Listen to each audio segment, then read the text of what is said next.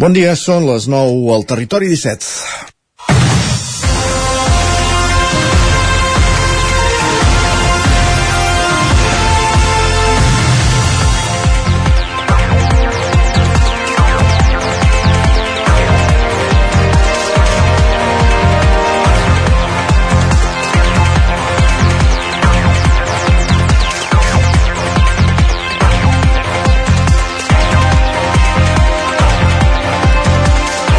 El ple de l'Ajuntament de Vic extingirà dilluns la concessió a través de la qual s'ha gestionat el mercat municipal de la ciutat des de l'any 1977.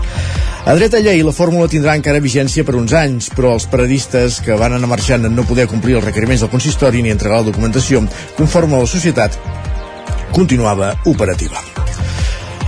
Ara caldrà seguir els tràmits preceptius, però la regidora d'Estratègia Econòmica i Comerç de l'Ajuntament de Vic, Bet Piella, preveu que el procés no s'allargarà gaire i explica que el primer que faran un cop l'equipament reverteixi a mans del consistori és estudiar en quin estat es troben. Per això ja s'ha contactat amb arquitectes especialistes en formigó. El següent pas serà decidir quin mercat reimplantar-hi. El govern municipal apostaria per parades a la planta baixa i una evolució del model convencional de les darreres dècades cap a un mercat més gastronòmic, en diuen. Amb l'última parada tancada a l'agost, el complex ofereix actualment una imatge deplorable amb tots els accessos tapiats. Amb el mercat municipal s'ha anat tard. Les accions pel futur s'haurien d'haver afrontat 10 anys enrere, quan encara anava a ple rendiment. Aleshores, ni Ajuntament ni marxants van estar a l'alçada i ara toca reconduir la situació. S'haurien estalviat aquest temps d'impàs que ve ara i donar continuïtat a un projecte que haurà de reneixer. Sí que cal aplaudir la voluntat de l'actual Ajuntament d'agafar el toro per les banyes. És divendres 1 de desembre de 2023, en el moment de començar el Territori 17 a la sintonia de la veu de Sant Joan, Ràdio Cardedeu, Ona Codirenca, Ràdio Vic, el 9 FM, i també ens podeu veure com cada dia i ho sabeu també a través de Twitch, YouTube, Televisió de Cardedeu, el 9 TV i la xarxa més. Territori 17.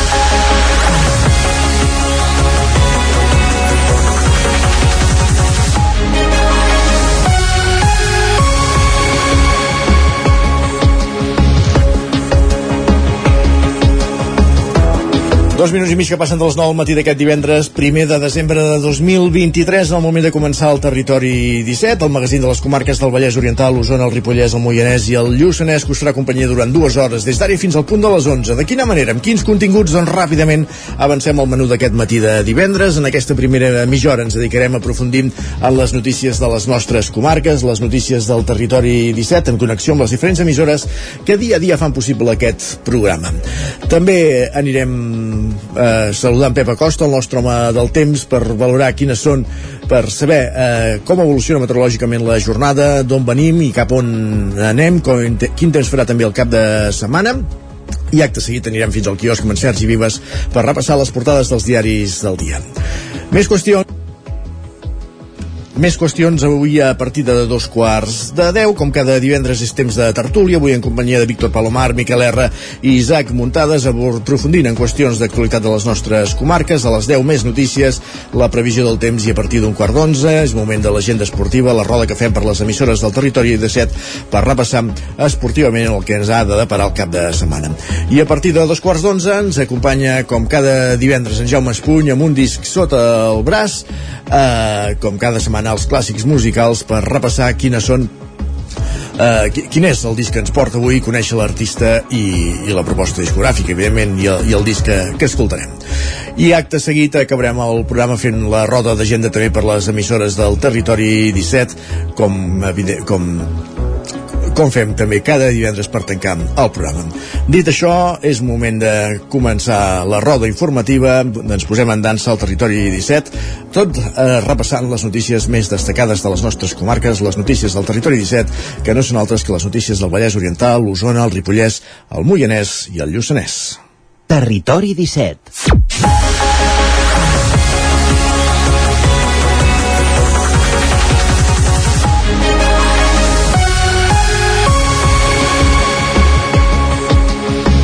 Confort Sabater manté la vaga parcial per aquest divendres i dimarts de la setmana que ve i tallarà la carretera a Can Villaura per protestar aquest diumenge. Isaac Muntades, la veu de Sant Joan. La vaga parcial convocada pel Comitè d'Empresa de Conforça per aquest divendres i pel dimarts dia 5 de desembre es manté segons va comunicar aquest dijous al matí el sindicat Comissions Obreres. A més, també criden els treballadors de l'empresa metal·lúrgica Camp de Manolenca a una mobilització aquest diumenge. La vaga s'ha convocat davant la situació d'incertesa actual motivada per diferents raons, com són l'incompliment del conveni col·lectiu per part de la Generalitat de Catalunya, la incertesa del dret a la negociació col·lectiva, on segons els sindicats se'ls deneguen drets històrics i se'ls limita l'increment salarial, la negació de la revisió dels grups professionals, que també afecta els salaris de la plantilla, la negació de la Generalitat a cap increment salarial pel 2023 i el més perjudicial de tots, la viabilitat empresarial de Conforça, que és una empresa d'activitat mercantil, on segons diuen es vol aplicar el règim del sector públic que no els permetrà competir amb empreses d'arreu del món. Asseguren que aquest funcionament empresarial de règim públic, sense l'excepcionalitat necessària per funcionar com a règim mercantil, no només perjudicaria l'empresa, sinó a bona part del teixit social i econòmic del Ripollès. Aquest divendres i dimarts vinent, els treballadors estan convocats a manifestar-se davant de les oficines de Conforça 4 de 12 del matí a 2 de la tarda. També avui, diumenge i dimarts, tallaran la carretera a Can Villaure a l'entrada de la C-17 a Ripoll de 6 a 8 de la tarda com a acció de protesta. La direcció de Comissions Obreres d'Indústria de Girona se sumarà a aquesta concentració per manifestar el seu suport a les reivindicacions de la plantilla i demanar una solució urgent a la Generalitat, com a propietària de l'empresa, a través del holding públic Avança per resoldre aquesta situació. Gràcies, Isaac. Més qüestions. Eh, anem cap a Osona, baixem una mica per la C-17 a Montesquieu. L'Ajuntament de Montesquieu ha, contractat una empresa de seguretat privada per reforçar la seguretat del poble. Ho fan després d'uns mesos convulsos a causa d'episodis de vandalisme, ocupacions conflictives i robatoris. Sergi Vives, al 9FM. L'objectiu és incrementar la seguretat dels veïns i el servei privat, diuen, els dona flexibilitat segons les necessitats. Els vigilants hi són en franges nocturnes, sobretot als caps de setmana.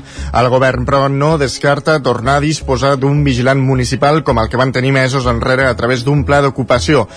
Carles Colomo és l'alcalde.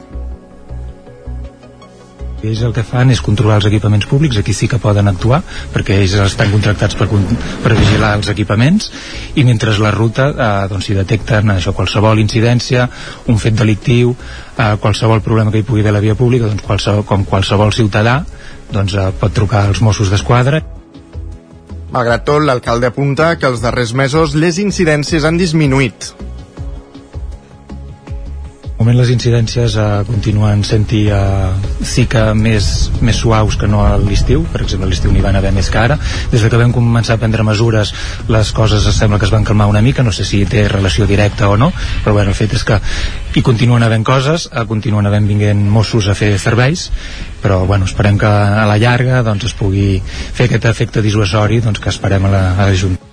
El consistori també instal·larà càmeres de videovigilància en quatre equipaments municipals, l'Ajuntament, la residència, la piscina i l'escola de música.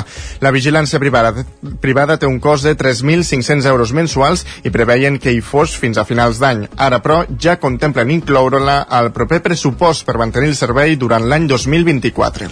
Més qüestions, anem cap al Vallès Oriental, ple a Cardedeu, marcat tant per la unanimitat a l'hora d'aprovar les mocions, com, així com per les crítiques i retrets creuats al torn de pregs i preguntes preguntes quan els diversos grups municipals tractaven els temes més sensibles de l'actualitat municipal. Enric Rubio, Ràdio Televisió Cardedeu.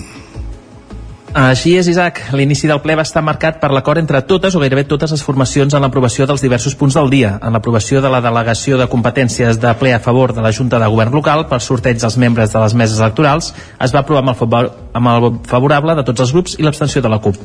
També es va aprovar, en aquest cas per unanimitat, l'aprovació provisional de la modificació de les normes urbanístiques de les àrees d'interès ambiental de les zones del carrer Teresa Oller, els escorrelots i l'incorporació de la plaça Sant Corneli a aquestes. Seguint amb la unanimitat, es va aprovar també la moció de suport a l'Ajuntament d'Elna de la Catalunya Nord i la rehabilitació de la mateixa la qual van presentar tots els grups municipals del consistori i la moció en defensa de la contenció dels preus de lloguer i per fer efectiva la llei pel dret a l'habitatge, que va ser presentada en aquest cas pel grup municipal d'Esquerra. Un cop arribat al torn de pregs i preguntes, aquesta entesa i cordialitat es va diluir per donar pas a un conjunt de crítiques i retrets creuats entre govern i oposició. Els temes més controvertits són dos que actualment ocupen les manifestacions de la vila. Les feines de tala i desbrossa del Parc de la Penya, que tot i ser realitzades dins el marc de les franges de seguretat contra incendis del municipi, han estat efectuades amb un criteri, si més no, una mica qüestionable, ja que s'han talat arbres centenaris, s'han deforestat talussos en perill d'erosió i s'han deixat espècies invasores. I també pel tema que us hem portat per aquest informatiu aquestes últimes setmanes sobre la situació del CAP, on el to va pujar fins a produir-se acusacions de deslleialtat i de polititzar les concentracions. Paral·lelament, a la sala, manifestants s'han fet sentir en pancartes i respostes fora micro als comentaris dels grups. Ja per acabar, i amb els ànims molt més rebaixats, s'han produït per part de Núria Pujolàs, exregidora de Cultura d'Esquerra, actualment a l'oposició, l'anunci de que deixa el seu càrrec. Els elogis, agraïments i reconeixements han vingut per part de totes les formacions polítiques, que li han reconegut que hagi estat sempre i a tot arreu.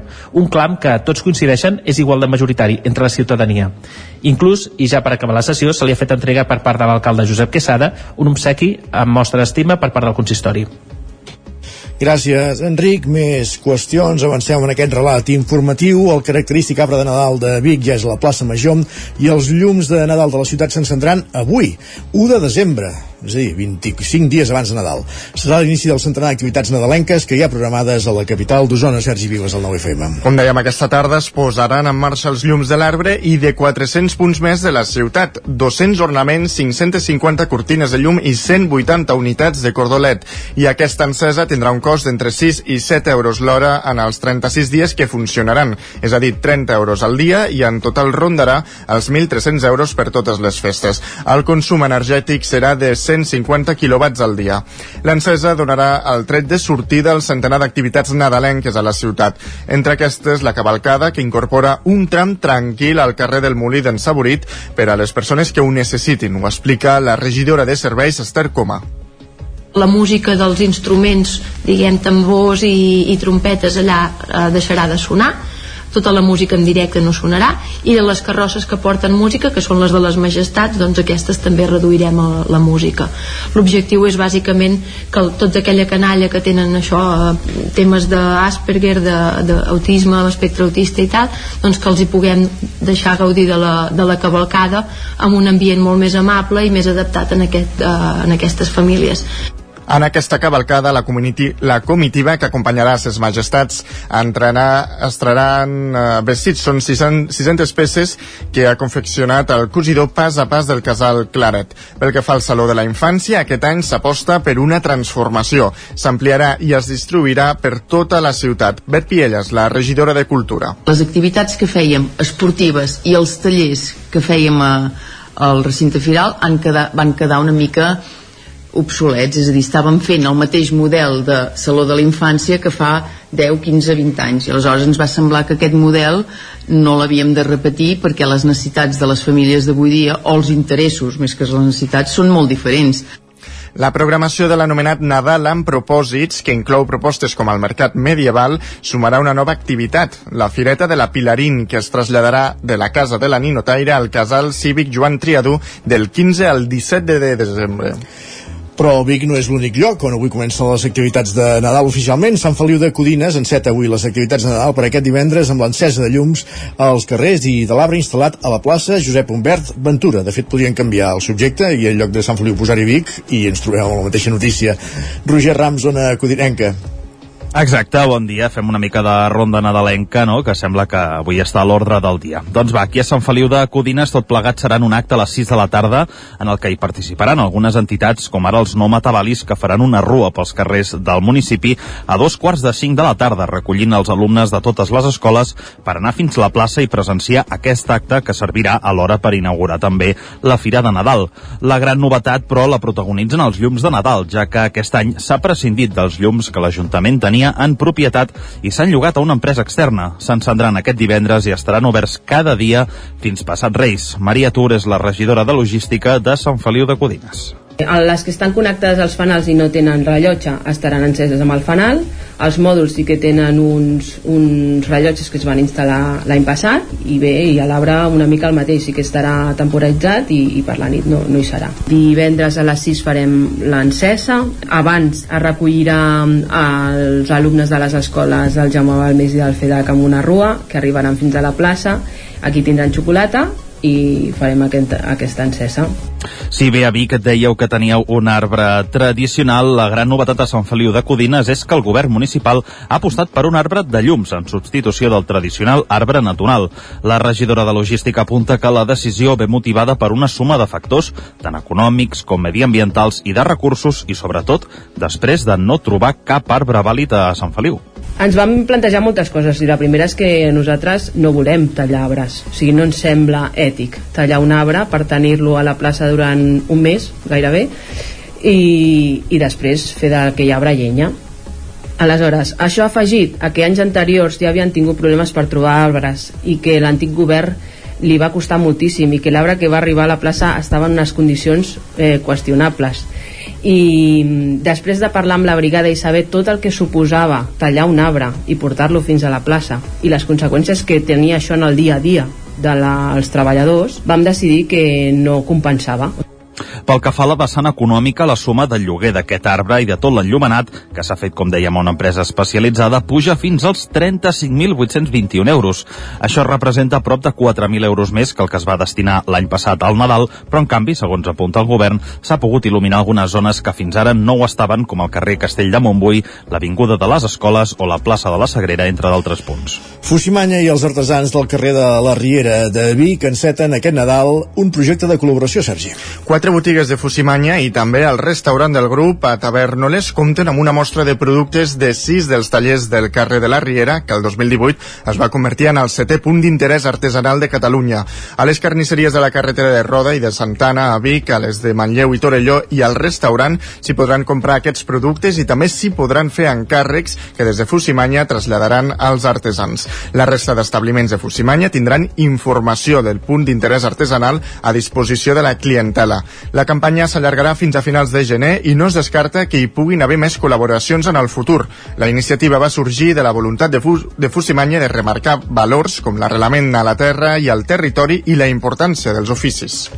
París 70, de Dani Feixes, opta a rebre el Goya al millor curtmetratge. Ara ja sí, ja és oficial, la seva candidatura eh, estava anunciada, ahir quan es van anunciar les candidatures dels Goya d'aquest any. Forma part de les cinc produccions nominades a la categoria del curtmetratge. París 70 arriba la nominació dels Goya sent el curtmetratge de l'estat espanyol més guardonat de l'any. En només 7 mesos ha superat la vuitantena de premis i l'han seleccionat a més de 90 festivals de tot el món. I el palmarès encara pot créixer abans dels Goya, que es lliuren el 10 de febrer. El dia 16 de desembre, París 70 és un dels tres candidats a millor curtmetratge als Premis Forqué, que s'entregaran a Madrid. Protagonitzat per Alain Hernández i Luisa Gabassa, París 70 mostra la relació d'un fill amb la seva mare que pateix Alzheimer i fa un reconeixement a la figura dels cuidadors. Els Goya París 70 competirà, entre d'altres produccions, amb Carta a mi madre para mi hijo, de Carla Simón. Gràcies, Sergi. Anem un altre cop cap al Ripollès perquè usuaris de la Fundació MAP amb discapacitat intel·lectual participaran aquest diumenge al Telenotícies Vespre de TV3. Com dèiem, Isaac Muntades des de la veu de Sant Joan.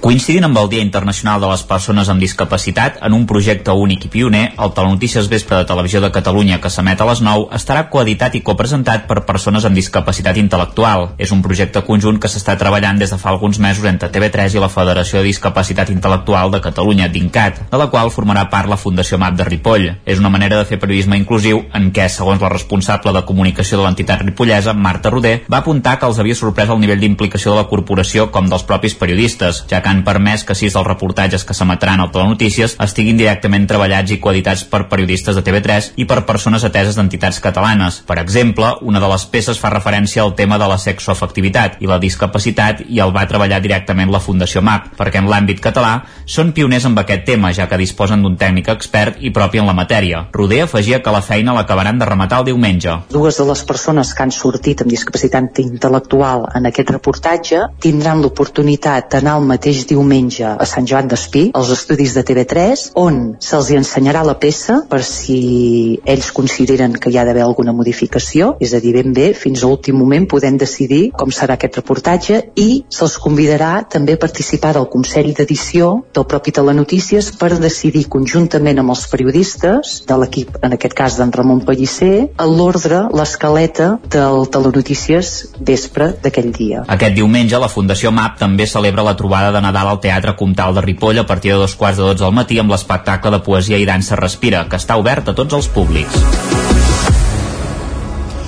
Gràcies, Isaac. Acabem aquí el repàs informatiu que començàvem al punt de les 9 en companyia d'Isaac Montada, Sergi Vives, Roger Rams i Enric Rubio.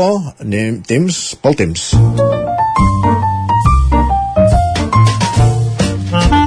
Casa Terradellos us ofereix el temps. Pep Acosta, quin temps farà avui al cap de setmana? Molt bon dia. Bon dia. Per fi som divendres. Va, per fi eh, comença l'últim mes de l'any. Hi haurà gent que voldrà que deixem enrere aquest 2023. Hi ha gent que no voldria que s'acabés mai. Bueno, sempre hi ha de tot, eh, en aquest món. Uh, jo crec que, mira, al final s'ha s'ha de saber treure les coses bones i les coses dolentes s'han de deixar a banda. Però, eh, si parlem només del temps, aquest 2023 eh, va camí de ser un any desastrós. Veurem què acaba passant aquest últim mes, però segur que totes les estadístiques a principis d'any que es facin del 2023 anirem veient que ha estat un autèntic desastre a nivell meteorològic, eh? A molts altres nivells, també.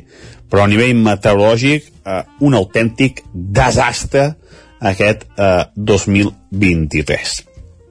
I bé, avui també déu nhi les temperatures mínimes, eh, quines mínimes més altes, eh, aquest front eh, que ens està afectant amb aquest vent de ponent eh, que la, la part del el prefront ens enviava aquest vent de ponent que ahir va disparar la temperatura de valors molt alts per l'època de l'any es notava eh, aquest vent escalfat sobretot el prelitoral. I aquesta nit les temperatures tampoc han baixat gaire eh, amb, amb, aquests, amb aquest vent, amb aquesta nuvolositat que tenim a sobre i és que el front mica en mica se'ns va acostant.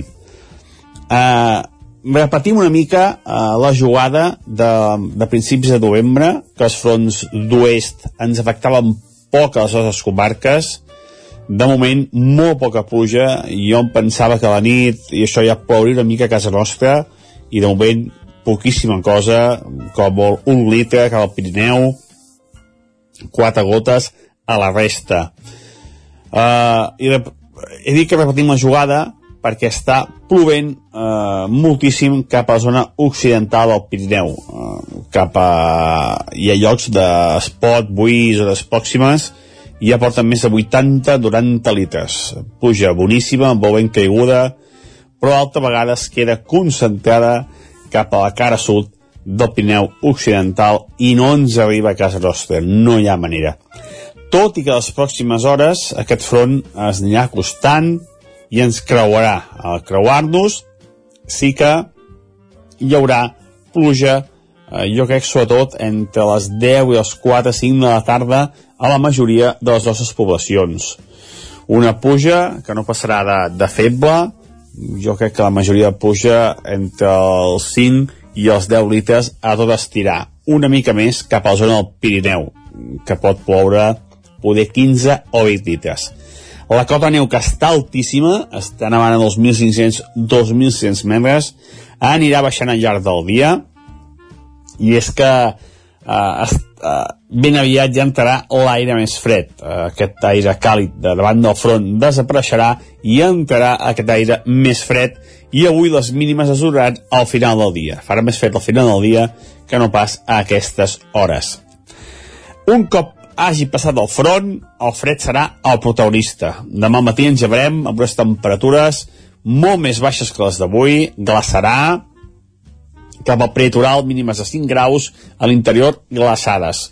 Demà un dia amb molt de sol, només quedarà una petita precipitació cap a la zona del Pirineu, les màximes bastant més baixes, la majoria de temperatures entre els 10 i els 15 graus. I diumenge, alguna nuvolositat, sense pluja i temperatures força, força baixes. Moltes mínimes negatives, glaçarà bastant la nit de dissabte i diumenge, i diumenge moltes màximes els hi costarà arribar als 11-12 graus. Per tant, serà un dia força, força fred aquest diumenge, els més freds d'aquesta tardor. Moltes gràcies, adeu. Gràcies a tu, Pep. Parlem d'aquí una estoneta. Anem cap al quiosc ràpidament. Casa Tarradellas us ha ofert aquest espai. Doncs com dèiem, anem cap al quiosc ara quan falten 6 minuts perquè siguin dos quarts de 10 del matí. Sergi Vives, repassem ràpidament els diaris d'avui divendres, les portades, comencem per les del 9-9, perquè és divendres, Osona, el Ripollès i el Lluçanès. Doncs ens diuen que Manlleu vol prohibir la circulació de camions de gran tonatge pel centre a partir del mes de març. Diuen que la mesura coincidirà amb la posada en funcionament de la Ronda Nord que connectarà amb els polígons i la del Vallès Oriental, el 9-9 del Vallès Oriental ens diuen que Junts i un regidor transfuga d'Esquerra presenten una moció de censura a Vallgorguina. Diuen que Anna Herrero de la CUP perdrà l'alcaldia en un ple extraordinari el 13 de desembre. Repassem ara portades dels diaris que s'editen a Barcelona. El punt avui encapça la portada amb el titular Coixí per a catàstrofes climàtiques. Diuen que la cimera COP28 aprova crear un fons econòmic internacional per acudir al rescat de països vulnerables. El periòdico eh, diu que el des destaca el desallotjament amb bona nota. Expliquen que un ampli desplegament policial aconsegueix fer fora els ocupes dels edificis al Cubo i la ruïna de, Sant, de Sarrià i Sant Gervasi. La Vanguardia diu que Israel escala el xoc diplomàtic amb Espanya i crida la seva ambaixadora. Diuen que Netanyahu qualifica de vergonyoses unes declaracions de Sánchez en què dubtava que es complís el dret humanitari a Gaza. déu nhi i anem a repassar portades espanyoles. El país diu que el poder judicial es creua en un enfrontament contra el govern. Expliquen que no eh, veuen idoni a Ortiz com a fiscal general de l'Estat. Diuen que la fiscalia qüestiona el jutge García Castellón per la seva causa contra Puigdemont. L'ABC diu que el Poder Judicial reprova el fiscal general per falta d'imparcialitat. Expliquen que s'uneixen a la decisió del Suprem de tombar el nomenament de la socialista Magdalena Valerio com a presidenta del Consell d'Estat. Al Mundo diuen que Bolaños assegura a la Unió Europea que no rebaixarà majories per renovar el poder judicial. Expliquen que l'Eurocambra debatrà peticions d'empara de ciutadans espanyols contra l'amnistia. I acabem amb la Razón, que qualifica Puigdemont com el rei del lobby econòmic gràcies a Sánchez.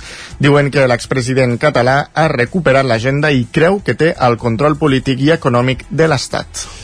Gràcies, Sergi. Repassem ràpidament digitals. L'edició de Sonio Ripollès del 99.cat. Doncs com explicàvem, París 70 de Dani Feixa serà candidata als Goya millor curt. I al, al Vallès Oriental? Doncs que ha mort una persona atropellada per un tren a l'estació de Mollet Sant Fost. Doncs queda tot recollit, ara sí, gràcies Sergi. A tu.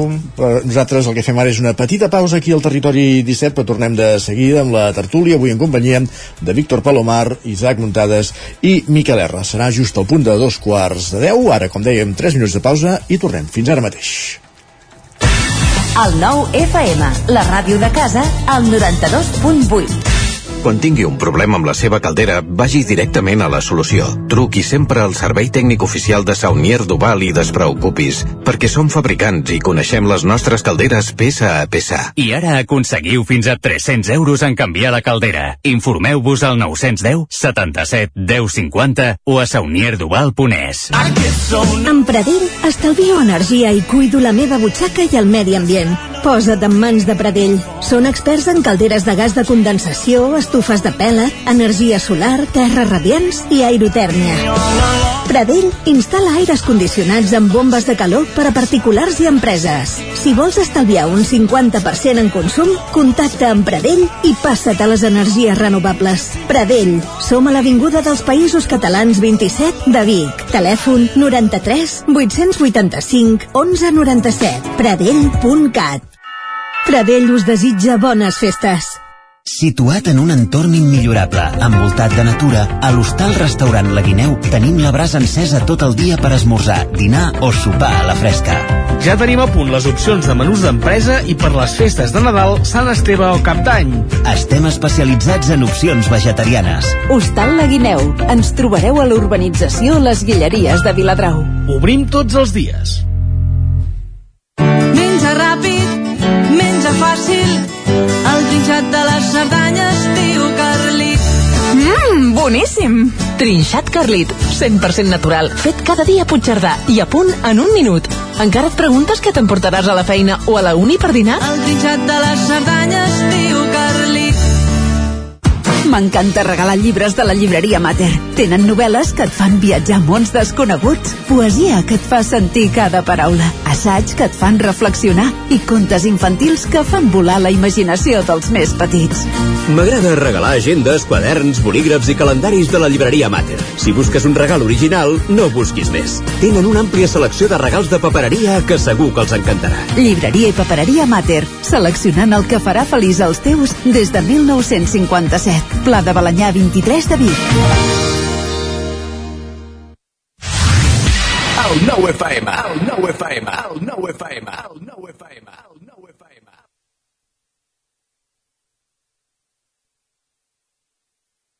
Anuncia't al 9FM. La màquina de casa. 9 3 8 8 9 4 9 4 9 Publicitat arroba al 9FM.cat. Anuncia't al 9FM. La publicitat més eficaç. El 9 FM, la ràdio de casa, al 92.8.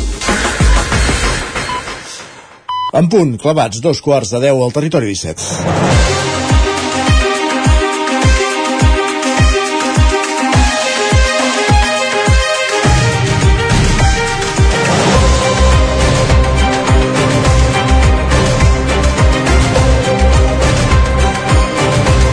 Dos quarts de 10 al territori 17 i com cada divendres és temps de tertúlia, avui en companyia de Miquel R, Isaac Montades i Víctor Palomar que s'incorporarà en breus moments als estudis del 9FM. Mentrestant, Miquel i Isaac, benvinguts tots dos, bon dia.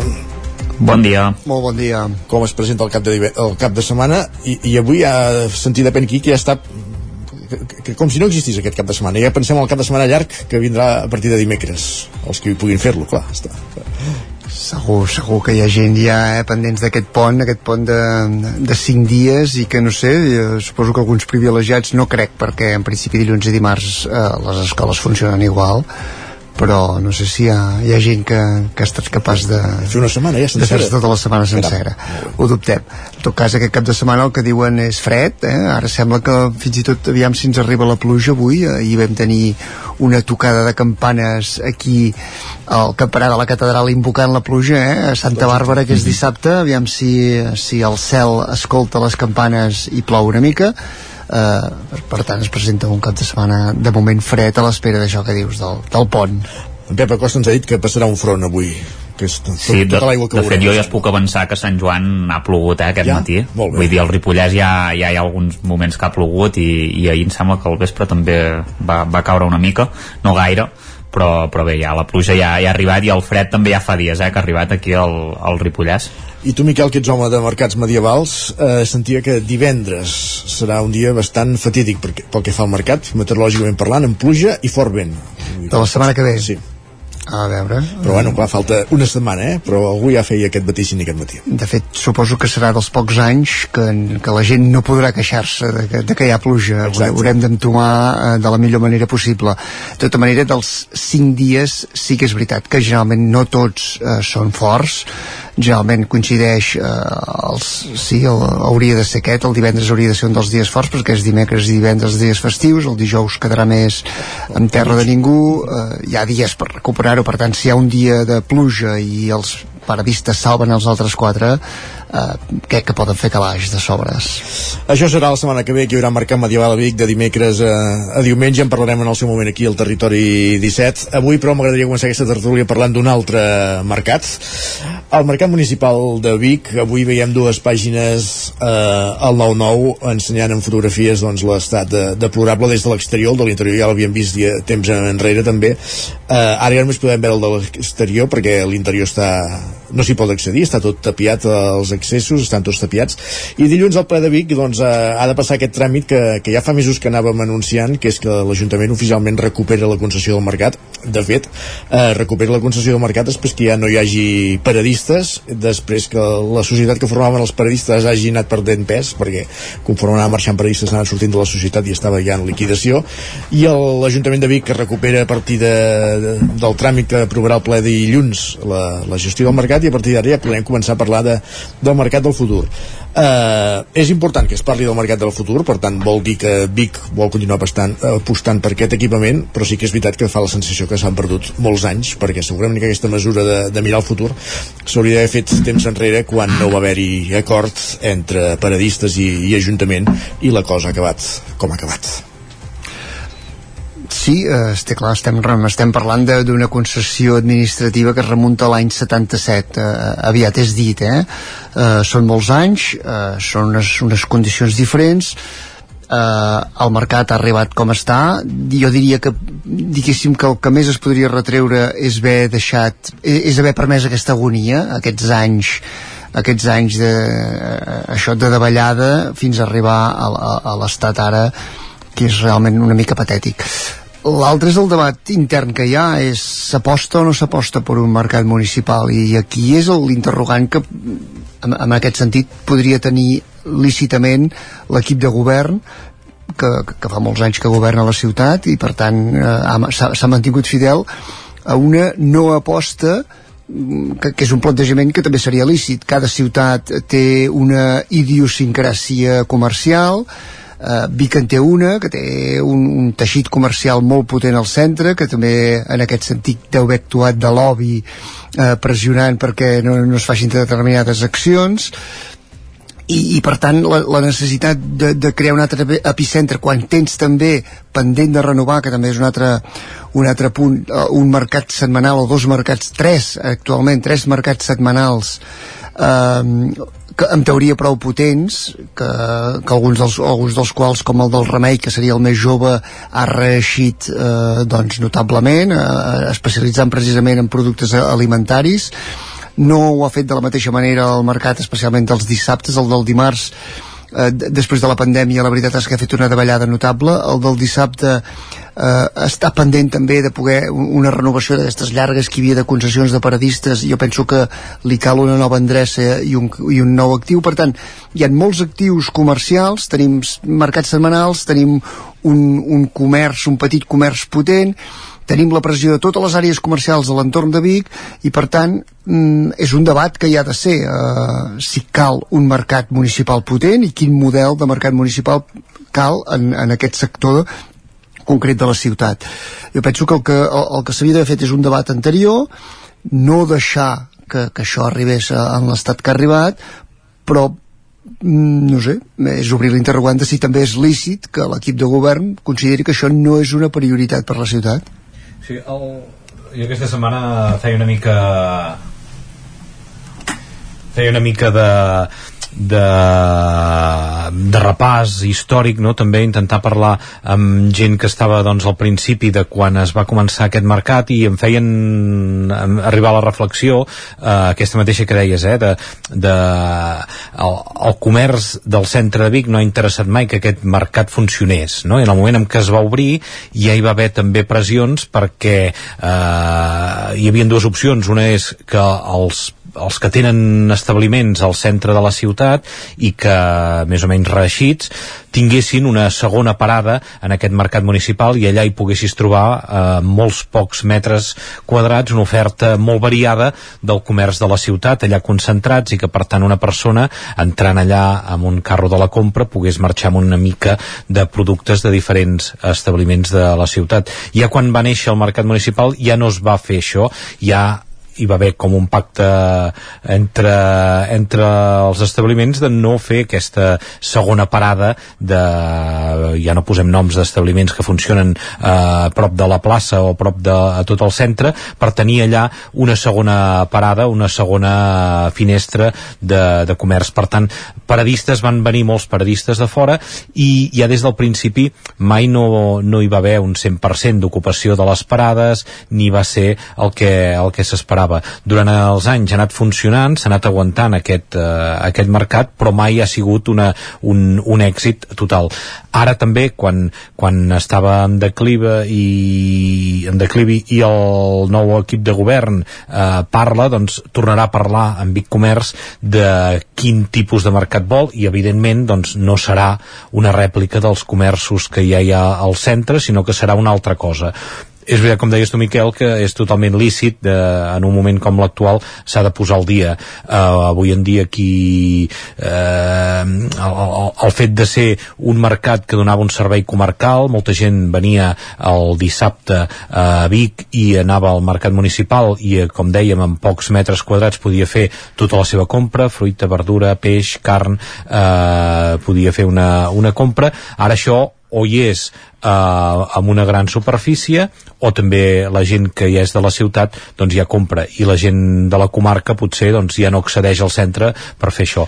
L'aposta, com dèiem, de l'equip de govern és aquest eh, eh, mercat obert amb tastos gastronòmics que pots anar-hi a sopar, eh, pots fer tapes, eh, et pots moure tot obert eh, eh, tot obert, eh, sense, sense portes i que puguis anar-te mirant per als diferents establiments. És un, un model que funciona molt a grans ciutats, també a ciutats europees, i és el que sembla que s'apostaria. Això no seria una competència per al comerç del centre i es salvaria aquest, eh, aquest edifici. Jo aquests dies em anava mirant l'edifici perquè sí que hi ha la possibilitat de tirar-ho terra i aixecar-ho de nou, o bé aprofitar aquest edifici. Jo aquests dies me'l anava mirant i pensava, ostres, aquest edifici no s'aguanta per enlloc, no? fins i tot per intentar eh, fer aquest nou model eh, perquè seria la planta baixa, perquè hi hagués molta més accessibilitat, perquè ara eh, és veritat, quan es va fer aquest mercat eh, haver de pujar a la primera planta eh, unes escales eh, mecàniques o unes escales a peu a l'aparcament al sostre, a la taulada jo crec que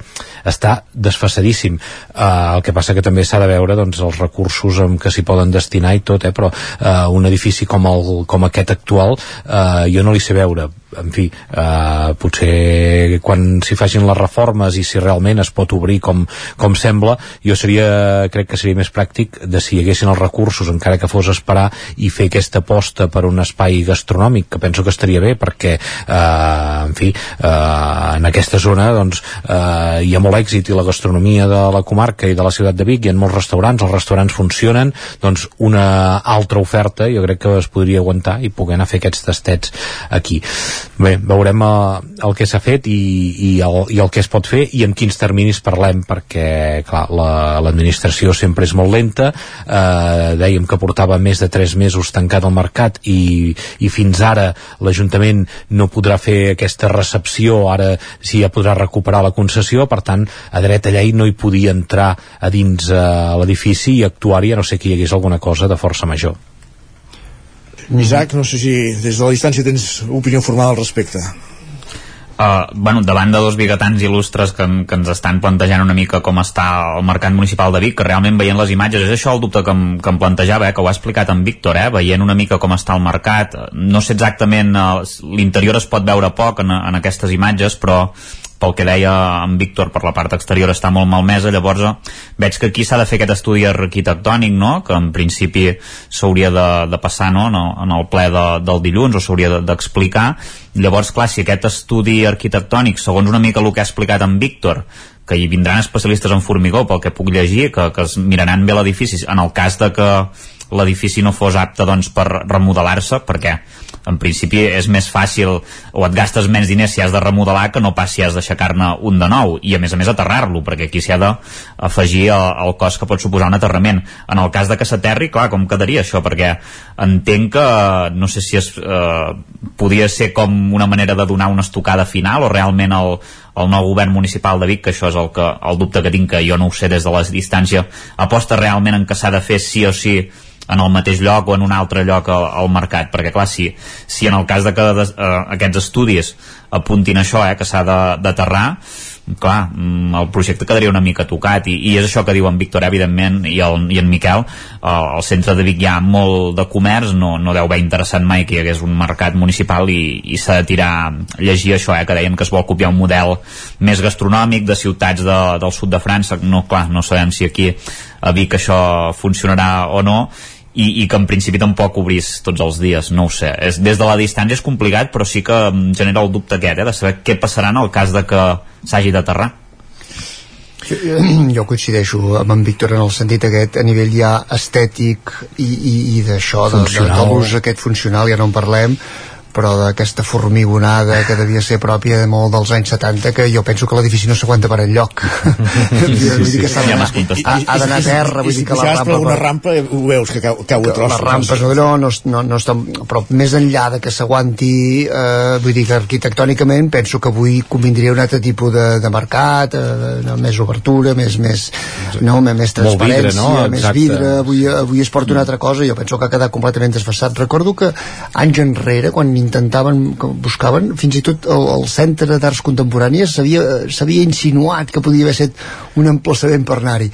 No sé, poder per un centre d'art Sí, sí, contemporani eh, buscant aquestes rampes però com a, com a accés la, la dificultat que tens els girs per pujar amb cotxe a baix el, la primera planta, jo penso que l'edifici el millor que li podrien fer és enderrocar-lo. Home, per gravar-hi algun, algun curtmetratge de por o alguna Sí, pel·lícula de por, això això sí sí que- que sobretot ara aquests dies. El que sí que és cert és que el, el POM preveu que allò es mantingui com a zona d'equipament. Vull dir que d'aquí de, sobre això no hi ha d'hauria Sí, de sí, sempre hi ha hagut una mica l'ombra de la sospita que han llançat des de l'oposició per veure aviam si hi havia un interès eh, urbanístic, especulatiu eh, per deixar morir el mercat municipal però l'aposta de l'Ajuntament de Vic és eh, que hi hagi un mercat o un succedani, que és el que s'està parlant ara, perquè el que estem dient ja no és un mercat municipal, sinó que és una altra cosa, diguem-ni el nom que, que vulguem, però ja no és un mercat municipal. Uh, per tant, uh, sí que hi haurà algun uh, equipament semblant, semblant a aquest i uh, aquesta, aquests dubtes que, que està bé que l'oposició es qüestioni sempre qualsevol cosa i és la seva feina, però sembla que no va per aquí la cosa. a més a més és- s'ha d'endreçar la zona vull dir que hi ha tota aquella zona que encara és, és no sé si està qualificada encara d'industrial que hi ha aquelles sitges que hi ha Sí. eh, i això connecta amb un edifici tan maco com, els, com l'edifici de, la, de la farinera que hi, ha, que hi ha activitat per en- enllaçar la farinera amb tot aquest espai que, de possibilitats n'hi ha moltes per, per, per jugar-hi com a equipaments però ara és un desmanec um, on, sí, uh, canviant de qüestió on sembla que estan en peu de guerra és a, a Conforça, l'empresa de Can de Bànol eh, tit de titularitat del holding públic eh, avança. Els treballadors anuncien tres jornades de mobilitzacions amb dues aturades parcials avui de dues a quatre al migdia, també es replicaran dimarts i diumenge amb un tall de, de carretera al vespre a Can Villaure eh, i els treballadors això, que, que demanen eh, millores i semblaria que precisament el caràcter públic de l'empresa doncs, fa que que la Generalitat no pugui respondre com amb la celeritat que ells voldrien. Una mica la situació està, està aquí, Isaac. Sí, és, és una situació complicada, Conforça ja al llarg de la seva història ja, ja ha viscut algunes jornades de vaga, això ja va ser més cap als anys 80. Forma part del seu ADN, vull dir, és, és Sí. cíclic això. és, és cíclic i, i, anirà, i anirà passant i, i hem de recordar que és una empresa que, que evidentment a part de tenir seus a Canal i Ripoll també en té alguna fora de, del, del país i a més a més eh, dona feina directament a uns 350 treballadors això de forma directa, ja no parlem dels que, dels que els hi dona de forma in, indirecta no? per tant, precisament eh, em parlava amb l'exdirector general amb Enric Vidella que em comentava això eh, que, que amb salaris em sembla que eren 11 milions d'euros només, amb, només amb salaris, vull dir que realment era una cosa bastant important per, per una comarca que és realment petita per un poble Can Bànol que viu eh, de la indústria que, que el poble està fet a la mida de Conforça amb naus al mig del poble que hi ha gent que encara quan passa per Canal diu ostres quin, quin poble més, es, més estrany amb les empreses aquí perquè es forma part de l'ADN no? i llavors doncs eh, clar la- els treballadors demanen bastantes coses eh? vull dir que, eh, que evidentment són molt, molt lícites i, i, i, evidentment la incertesa aquesta de, de què passarà amb Conforça no? perquè sempre hi ha el run-run aquell de s'ha de vendre Conforça la Generalitat l'ha de vendre perquè això ha, ha sortit eh, milers de vegades aquesta empresa pública perquè eh, clar, els, no els hi surt a, a compte cada any hi han d'anar fent inversions en maquinària s'ha invertit molta maquinària en, en els últims anys i, i clar um, també uh, havent invertit tant la lògica diria que la Generalitat hauria de, de seguir apostant-hi però sempre hi ha hagut aquest rum-rum que dèiem de, de vendre-se-la en, el- en algun moment. És a dir, els, els, és, el, és el fet, no? Si l'empresa és rendible, eh, ha de ser... Clar, rendible, és, ha, és que l'empresa... Ha, ha, de ser fàcil al sector privat poder-la col·locar, però... Sí, de, de fet en parlàvem fa poc que, que, que Enric Avidella precisament va, va l'exdirector general va anar en el ple de Canal fa poc, si us recordeu, a defensar una mica això, no? que l'empresa realment, aviam, eh, sí que és veritat que fa 4 o 5 anys abans d'ell l'exdirector general doncs la va deixar una mica per dir-ho així amb números vermells per, per dir-ho suaument i que realment s'ha ha fet rendible, ha tingut beneficis els últims anys. Vull dir que, que és estrany que una empresa així es pugui de, deixar caure. I, i bé, veurem, veurem què passa. Ara els treballadors de moment han mantingut la, la vaga. Avui hi ha aquesta jornada que comentes. A la tarda també hi haurà talls a l'entrada de, la, de la C-17 a Can Villaura, vull dir que això, això a més a més també ho tornaran a fer diumenge i, i dimarts en principi vull dir que s'han de seure i escoltar les reivindicacions de, dels treballadors evidentment, no pot ser d'una altra manera jo, eh, tu Isaac i els dos Isaac segurament domineu molt més el, el tema jo crec que és una anomalia no? que hi hagi una empresa com Conforça que sigui pública i que en el seu moment es va haver, eh, mm. hi va haver d'entrar a l'administració perquè eh, per la importància que té per l'economia de la comarca eh, i que hi va haver d'entrar però això ha de ser una cosa temporal, no? No, no té sentit. Sí, uh... que em sembla que això va ser a partir dels anys 70, eh, si no recordo malament, que s'hi va, va ficar, un, o, o finals dels 80, no, no recordo exactament, però clar, fa ja uns quants anys, ja, com podeu veure, vull dir, ja són més de...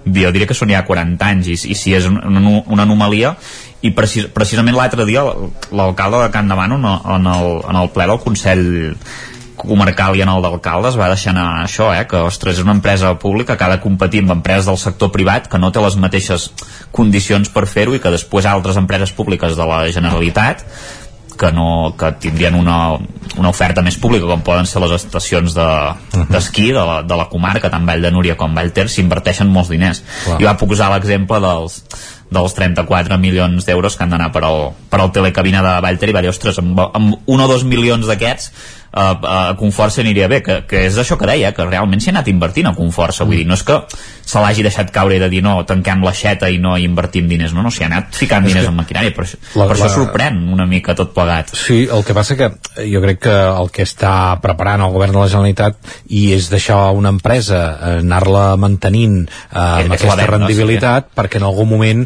hi hagi aquest inversor privat que hi aposti sí, sí. i que no sé si serà una bona notícia o una mala notícia, perquè quan eh, el que sí que dona aquesta inversió pública és certa estabilitat eh, el que passa doncs això, la que entra un soci privat doncs potser sí que, que podrà augmentar els salaris en algun moment el, eh, les condicions laborals potser podran canviar però, eh, però sempre quedarà subjecte privat. exacte, sempre estarà subjecte al capital privat sí, sí. i a les fluctuacions del mercat i com per tant, empresa de fet, no? Sí, sí, Exacte, com qualsevol, com qualsevol altra empresa, empresa. Però, com, que ara és, com que ara és pública, hi ha aquestes injeccions eh, recurrents en, en el temps, Uh, com per exemple quan es va fer la premsa de Conforça 7, la famosa premsa que va causar totes aquelles vibracions i aquells problemes al mig del poble, que clar, Conforça té això, l'estar al mig del poble també dona molta feina a, a molts veïns però alhora també pot causar moltes molèsties i, i, i amb això han tingut problemes i durant la, bueno. la pandèmia també eh, amb els expedients aquests de regulació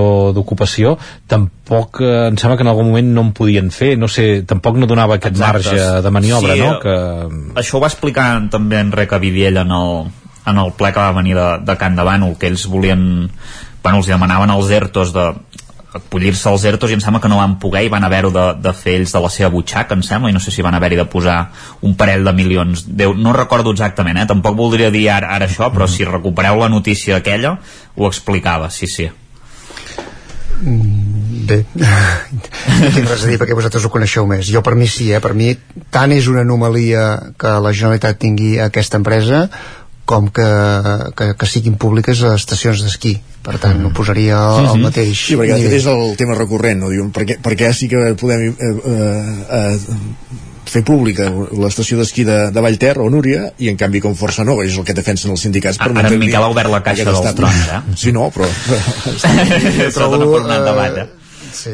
Home, segurament si aquestes pistes d'esquí avui dia no hi hagués aquesta inversió pública eh, estarien tancades, no? I de Sí. fet... Eh, Són deficitàries, són deficitàries. Sentia això que en pocs anys a Catalunya hi ha d'haver només una pista d'esquí que és la que pot tenir aquesta neu natural i que sembla doncs, que encara pot aguantar alguns anys més, però la resta, veient les temperatures que hem anat tenint, doncs, o, o hi ha neu artificial o, o, o hi ha una inversió pública per compensar les pèrdues que tot plegat genera i que cada cop hi hagi menys neu. Mhm.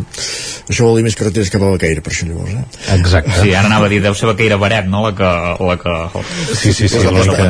que- té més números, està clar. Sí. Uh, I um, també m'agradaria posar sobre la taula avui a la tertúlia un altre tema que avui desplega el 9-9, que és uh, el fet, aquesta setmana s'ha fet aquesta jornada eh, aquestes sessions a, a Vic en el marc d'un projecte europeu sobre mobilitat en zones rurals que lidera la, que, la comarca d'Osona a través de, de Creacció que evidentment es comencen a posar reptes sobre la taula per afrontar un futur bastant immediat el que ha de ser el debat sobre la, la mobilitat ara que comença el desdoblament de la, la línia del tren de canviar hàbits, d'acostar segurament nuclis més rurals a, a, als nuclis de població amb transports alternatiu al vehicle privat. I Manlleu que ja anuncia aquesta primera mesura d'aplicant la zona de baixes emissions que els obliguen com a ciutat de més de 20.000 habitants d'impedir el trànsit de camions per l'interior de la ciutat Mm -hmm. Sí, sí. El, jo una mica el debat aquest paral·lel no, d'aquestes zones de baixes emissions que va arrencar a Barcelona i que obliguen eh, els municipis de, de més de 50.000 habitants de tot l'estat a que aquest 2023 tinguessin aquestes zones de baixes emissions, que per tant només hi poguessin accedir o que no hi poguessin accedir els vehicles més contaminants eh, i eh, estarien obligades eh, un total de 151 ciutats de tot l'estat i només 13 en tenen en aquests moments eh, en actiu aquesta, aquestes zones. Catalunya, amb Teresa Jordà al capdavant de la, de la Conselleria d'Acció Climàtica, va anar més enllà i va dir, no, no, doncs a Catalunya no només aquestes ciutats de més de 50.000 habitants, sinó les de més de 20.000 habitants eh, a partir del 2025 també han de tenir aquestes zones de baixes emissions. Eh, és un debat eh, bé, que, que, que hauran d'afrontar molts municipis de Catalunya eh, en, els, en el proper any perquè hi han de definir aquestes zones de baixes emissions. I una mica el que deien eh, des de Vic, per exemple és que, clar, el, el trànsit d'una ciutat com, com Vic eh, la majoria de gent, els desplaçaments interns eh, es poden fer a peu i molta gent doncs ja la fa a peu perquè no és pràctic eh, anar en vehicle per fer depèn quins tipus de desplaçaments. Per tant, la majoria de desplaçaments de vehicles que van cap al centre de la ciutat són gent de fora de la comarca exercint aquesta capitalitat que, que fa la ciutat de Vic, que no té gaire sentit de fer aquesta zona de baixes emissions posem per al cas que fos al centre de la ciutat eh, perquè igualment la gent de Roda i la gent de Manlleu la gent de Santa Eulàlia quan han de venir eh, aquí a Vic ho han de fer amb cotxe privat perquè l'alternativa amb transport públic és gairebé inexistent, gens pràctica o sigui que el que, el que farem és continuar havent-hi un cert desplaçament a nivell comarcal cap a la ciutat de Vic i després no podran accedir al centre. D'acord que els veïns del centre de Vic estaran molt bé perquè serà una illa amb menys contaminació però si això s'hauria de planificar a nivell de comarca i per tant apostar per aquest transport públic, per aquests eh, desplaçaments entre municipis propers i que això segurament a Ripoll passa eh, també doncs, que exerceix aquesta certa capitalitat de, de gent que s'hi ha d'anar desplaçant. I, i no té sentit que, que es fes una illa eh, on no hi poguessin passar cotxes al centre de Ripoll ni al centre de Vic si igualment la gent de la comarca no té un transport per poder-s'hi anar a desplaçar perquè la gent del propi municipi ja per lògica eh, avui en dia ja no t'hi desplaces perquè tot el centre és de pagament als aparcaments i per tant la gent de fora mm, dels barris eh, de fora no es desplacen al centre en vehicle privat.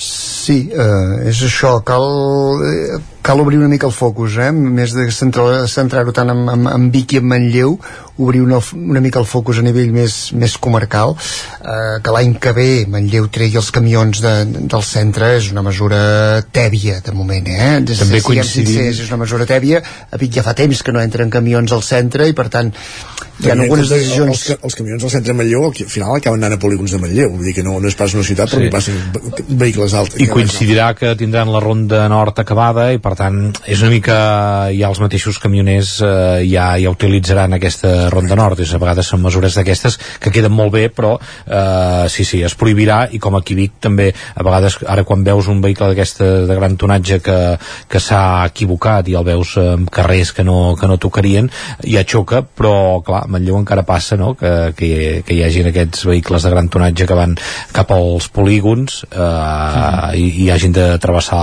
el municipi que cal és, és, és això, caldrà continuar fent també tema pedagogia, eh? perquè jo ara sé molta gent de la, del, del voltant de Vic que li fa molta mandra venir a Vic, venir a comprar Vic, tot això és tirar rocs sobre la teva taulada si no habilites una bona xarxa d'aparcaments, si no fas entendre que, que, que hi ha aparcaments que, que caminant 10 minuts al centre, i la gent encara està molt avasada a acostar-se fins als centres de les poblacions. Jo penso que caldrà molta pedagogia i cal aquesta mirada més àmplia perquè el que ens cal és una bona xarxa de què ens servirà que no entrem cotxes al ben bé al centre de Vic però que per roda travessin contínuament eh, no sé quants milers de camions i cotxes perquè no hi ha vull dir, si, si poder no es planifica variants. una xarxa de variants eh, per treure tot, tot, aquest, eh, tot aquest trànsit que també hi és de més doncs mirar-ho en perspectiva com ara ha fet Call d'Atenes com, i mica en mica anar endreçant el territori i, i anar corregint eh, això, determinats planejaments que formen part de, de, de, de conceptes que, que avui ja no haurien de ser-hi. El problema és aquest, que quan es planifiquen, fan planificacions de, de variants o de, o de projectes d'aquests, eh, que no es fan eh, els polítics de seguida es fan enrere de quan mm. veuen l'oposició veïnal i, i a vegades falta valentia política no?, per afrontar, perquè hi ha projectes sobre la taula, eh, la, la variant és, per, per exemple, de, la comarca d'Osona o la pota sud de Vic, que, mm. o les variants de Ripoll i endavant, sí, sí. això ja és una altra d'allò que estan allà amb un calaix perquè ningú s'atreveix a, a plantejar-ho i mentrestant passen molts uh, camions i cotxes pel carrer Progrés cada dia, que per això l'han d'anar asfalt, reasfaltant cada dos per tres perquè no hi ha la famosa variant uh, és de Ripoll que, bueno, que destrossaria la muntanya, això és un altre, un altre tema però que realment seria molt, molt necessària. Víctor Balamar, Miquel R, Isaac Montades, gràcies a tots tres per ser avui la tertúlia. Molt bon dia. Adéu, bon dia. Bon dia. Avancem al territori 17, ara quan passen dos minuts de les 10 del matí, és moment per l'actualitat, moment per les notícies de les nostres comarques, el Vallès Oriental, Osona, el Ripollès, el Moianès i el Lluçanès.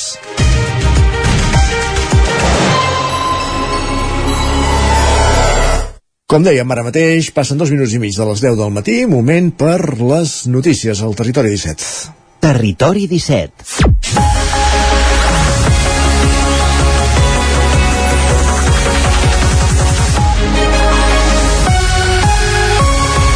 Llina, Llinars del Vallès, el Vallès Oriental, finalment mantindrà el proper curs escolar dels sis grups públics d'I3 i primer d'ESO.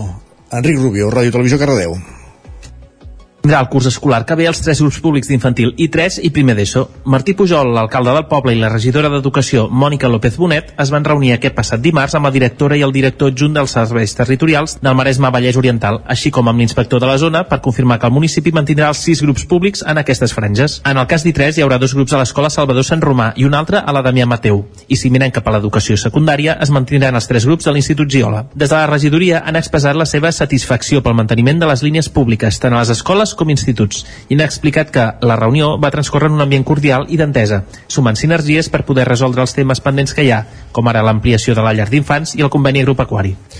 Els pisos del carrer Josep Maria Pellicer i les parcel·les de la Torre de Ripoll continuen sense trobar comprador. Isaac Muntades, tornem a la veu de Sant Joan. Sis parcel·les dins el sector de la Torre i dos habitatges del carrer Josep Maria Pellicer 50-52 continuaran sense trobar comprador després que el ple de Ripoll de dimarts aprovés declarar desert per unanimitat el concurs relatiu a la seva alienació. L'alcaldessa Sílvia Oriols va dir que no s'havia presentat cap oferta en aquest temps i s'haurà de tornar a fer el concurs. En el cas de les sis parcel·les ubicades al sector de la Torre, estaven valorades en un preu que oscil·lava entre els 51.600 i els 74.600 euros. En canvi, els dos pisos, primer, tercera i primer quart al carrer Josep Maria Pellicer, que estaven a la venda, tenien un preu de poc més de 81.000 euros i disposaven de quatre habitacions. El regidor de Som i Ripoll, Joaquim Colomer, va demanar a l'equip de govern que calia fer-ne més difusió, perquè havia parlat amb diversos veïns que no s'havien assabentat que estaven a la venda. L'alcaldessa Sílvia Oriols va respondre-li que sí que se n'havia fet i ho atribuïa a una altra problemàtica. Però sí que es va fer difusió des de les xarxes socials de l'Ajuntament i també em consta que aquests pisos eren també amb immobiliàries, que per tant també s'ho oferien. Per tant, jo, jo ho atribueixo més a aquesta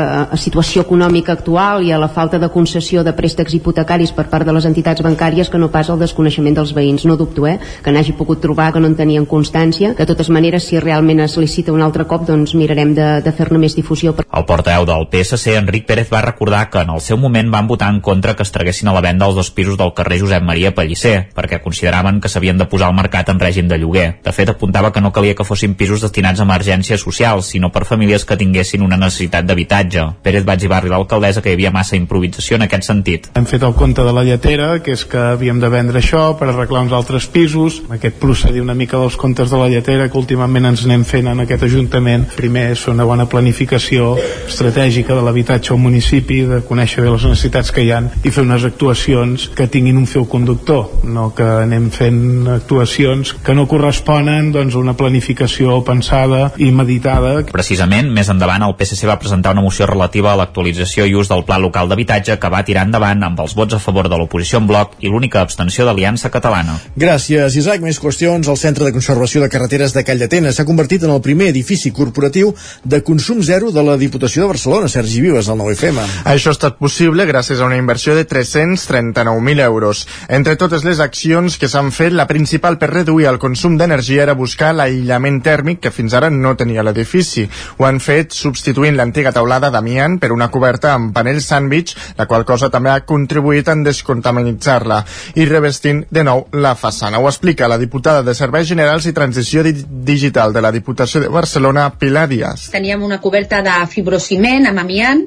Aquesta ha estat substituïda per una coberta amb panells sàndwich, eh, cercant poder des descontaminar la nau i poder-la també dotar d'aïllament tèrmic important en la pell del propi edifici perquè amb, aquest, amb aquesta pell hem aconseguit un aïllament tèrmic de la façana en la zona d'oficines i, i vestidors eh, bueno, doncs amb un determinat eh, revestiment, com deia, doncs amb una pell que, que ens permet tot això.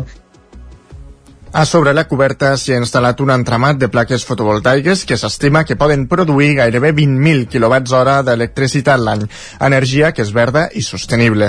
A banda de reduir el consum d'energia, un altre dels motius que ha portat la Diputació a fer aquestes accions és la part econòmica que en un moment de, de crisi econòmica, en un moment en què la inflació encara no està prou eh, controlada, també doncs, és molt important que al final depenguem de nosaltres mateixos i de nosaltres mateixes i no d'uns preus de l'energia que de vegades fan trontollar qualsevol tipus de pressupost a nivell familiar, a nivell domèstic i per suposat també doncs, a nivell de les administracions públiques. Aprofitant aquests treballs també s'han millorat les oficines i els vestidors. De fet, n'han inclòs un de dones que fins ara no, no hi era. També han canviat els llums antics per nous que van amb LED. En l'horitzó de 7 anys, la Diputació treballa perquè tots els seus edificis, de forma progressiva, siguin climàticament neutrals i autoeficients. Uh, ja ho direm bé. Sí. Gràcies, Sergi. Més qüestions. Es presenta l'Institut de la Llet i els Productes Làctics de Catalunya, una iniciativa impulsada per la Generalitat que en el seu moment, l'any 2021, l'aleshores consellera Teresa Jordà va anunciar com a projecte després d'una visita a les instal·lacions de la cooperativa Plana de Vic. Ara, l'organisme ja és una realitat. Es presentava la setmana passada en un acte al Palau de Pedralbes de Barcelona i van intervenir representants de les diferents baules del sector de la llet. Precisament l'Institut es defineix com a pioner a Catalunya i a l'Estat perquè aglutina tot aquest ventall, des dels productors fins als transformadors i als distribuïdors dels productes làctics. L'Institut pretén esdevenir un referent en la difusió de la importància de la llet i els seus derivats com a aliments saludables i sostenibles, promovent-se el consum i posant-hi base científica. També es destaca la importància històrica del sector a Catalunya i el paper que juga a l'hora de fixar població als territoris rurals. La iniciativa hauria de permetre fer passos endavant a un sector que fa temps que està en crisi. La campanya Tot Joc, que fomenta l'ús del català a les joguines, arriba a Sant Feliu de Codines, Roger Ram, zona codinenca. Sí, exacte, ho fa la botiga Macedònia, ubicada al carrer de Joan Maragall, que s'ha adherit a la campanya Tot Joc, impulsada pel Consorci per la Normalització Lingüística i que té com a objectiu aplegar establiments de tot el país que tinguin una oferta de jocs i joguines en català, per així fomentar l'ús de la llengua a través del joc. La seva propietària, Montse Ratamosa, ressalta la importància d'oferir jocs i joguines en català, ja que el seu, en el seu cas, un 90% de la clientela habitual és catalanoparlant.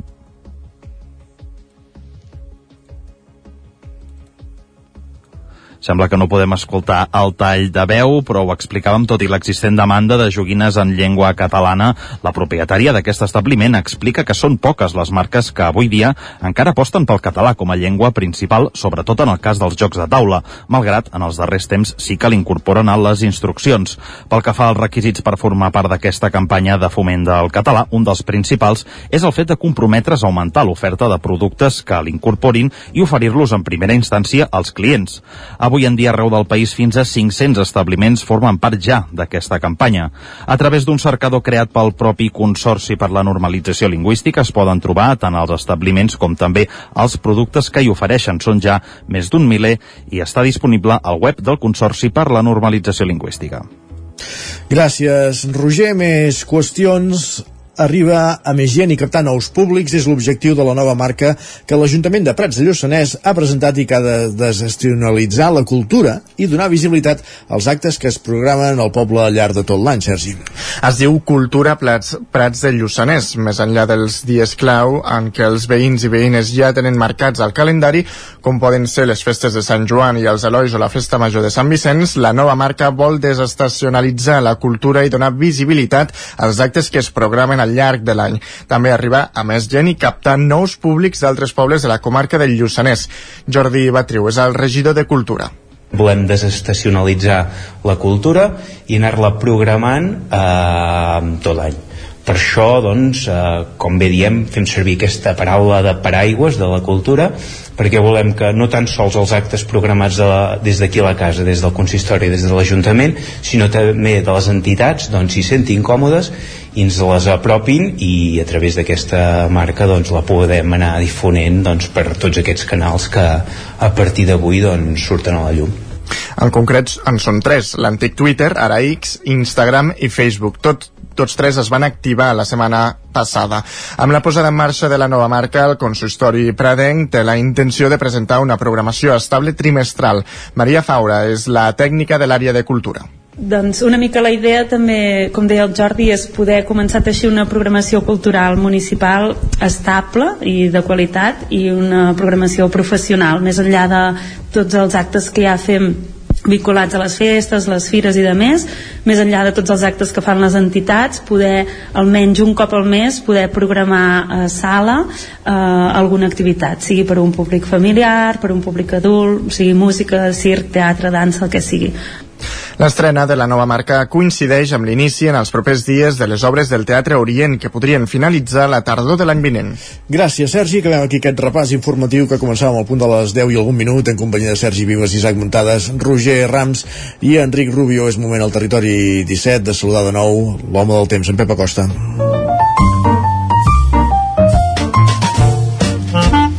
Casa Terradellos us ofereix el temps. Va, Pep, explica'ns què farà el cap de setmana i aquest petit front que, que comença a travessar la península ibèrica, si, si ens arribarà aquí, si veurem aigua. El Ripollès ens ha dit l'Isaac que, que ha plogut. Pep, benvingut de nou, bon dia. Molt bon dia. Tot i que les pròximes hores aquest front es anirà acostant i ens creuarà. Al creuar-nos sí que hi haurà pluja, eh, jo crec sobretot entre les 10 i les 4, 5 de la tarda a la majoria de les nostres poblacions. Una puja que no passarà de, de feble, jo crec que la majoria puja entre els 5 i els 10 litres ha de estirar una mica més cap a la zona del Pirineu, que pot ploure poder 15 o 20 litres. La cota neu que està altíssima, està nevant a 2.500-2.600 metres, anirà baixant al llarg del dia, i és que eh, eh, ben aviat ja entrarà l'aire més fred. Eh, aquest aire càlid de davant del front desapareixerà i entrarà aquest aire més fred i avui les mínimes es duraran al final del dia. Farà més fred al final del dia que no pas a aquestes hores. Un cop hagi passat el front, el fred serà el protagonista. Demà matí ens llevarem amb unes temperatures molt més baixes que les d'avui, glaçarà, cap al prelitoral mínimes de 5 graus, a l'interior glaçades. Demà un dia amb molt de sol, només quedarà una petita precipitació cap a la zona del Pirineu, les màximes bastant més baixes, la majoria de temperatures entre els 10 i els 15 graus. I diumenge, alguna nuvolositat, sense pluja i temperatures força, força baixes. Moltes mínimes negatives, glaçarà bastant la nit de dissabte diumenge, i diumenge moltes màximes els hi costarà arribar als 11-12 graus. Per tant, serà un dia força, força fred aquest diumenge, els més freds d'aquesta tardor. En definitiva, i resumint, molt de, pressa, molt de pressa, comença desembre amb pluja, avui una mica de pluja, eh, poca cosa en general, on més plourà és cap, al, cap a Lleida, cap al Pirineu de Lleida.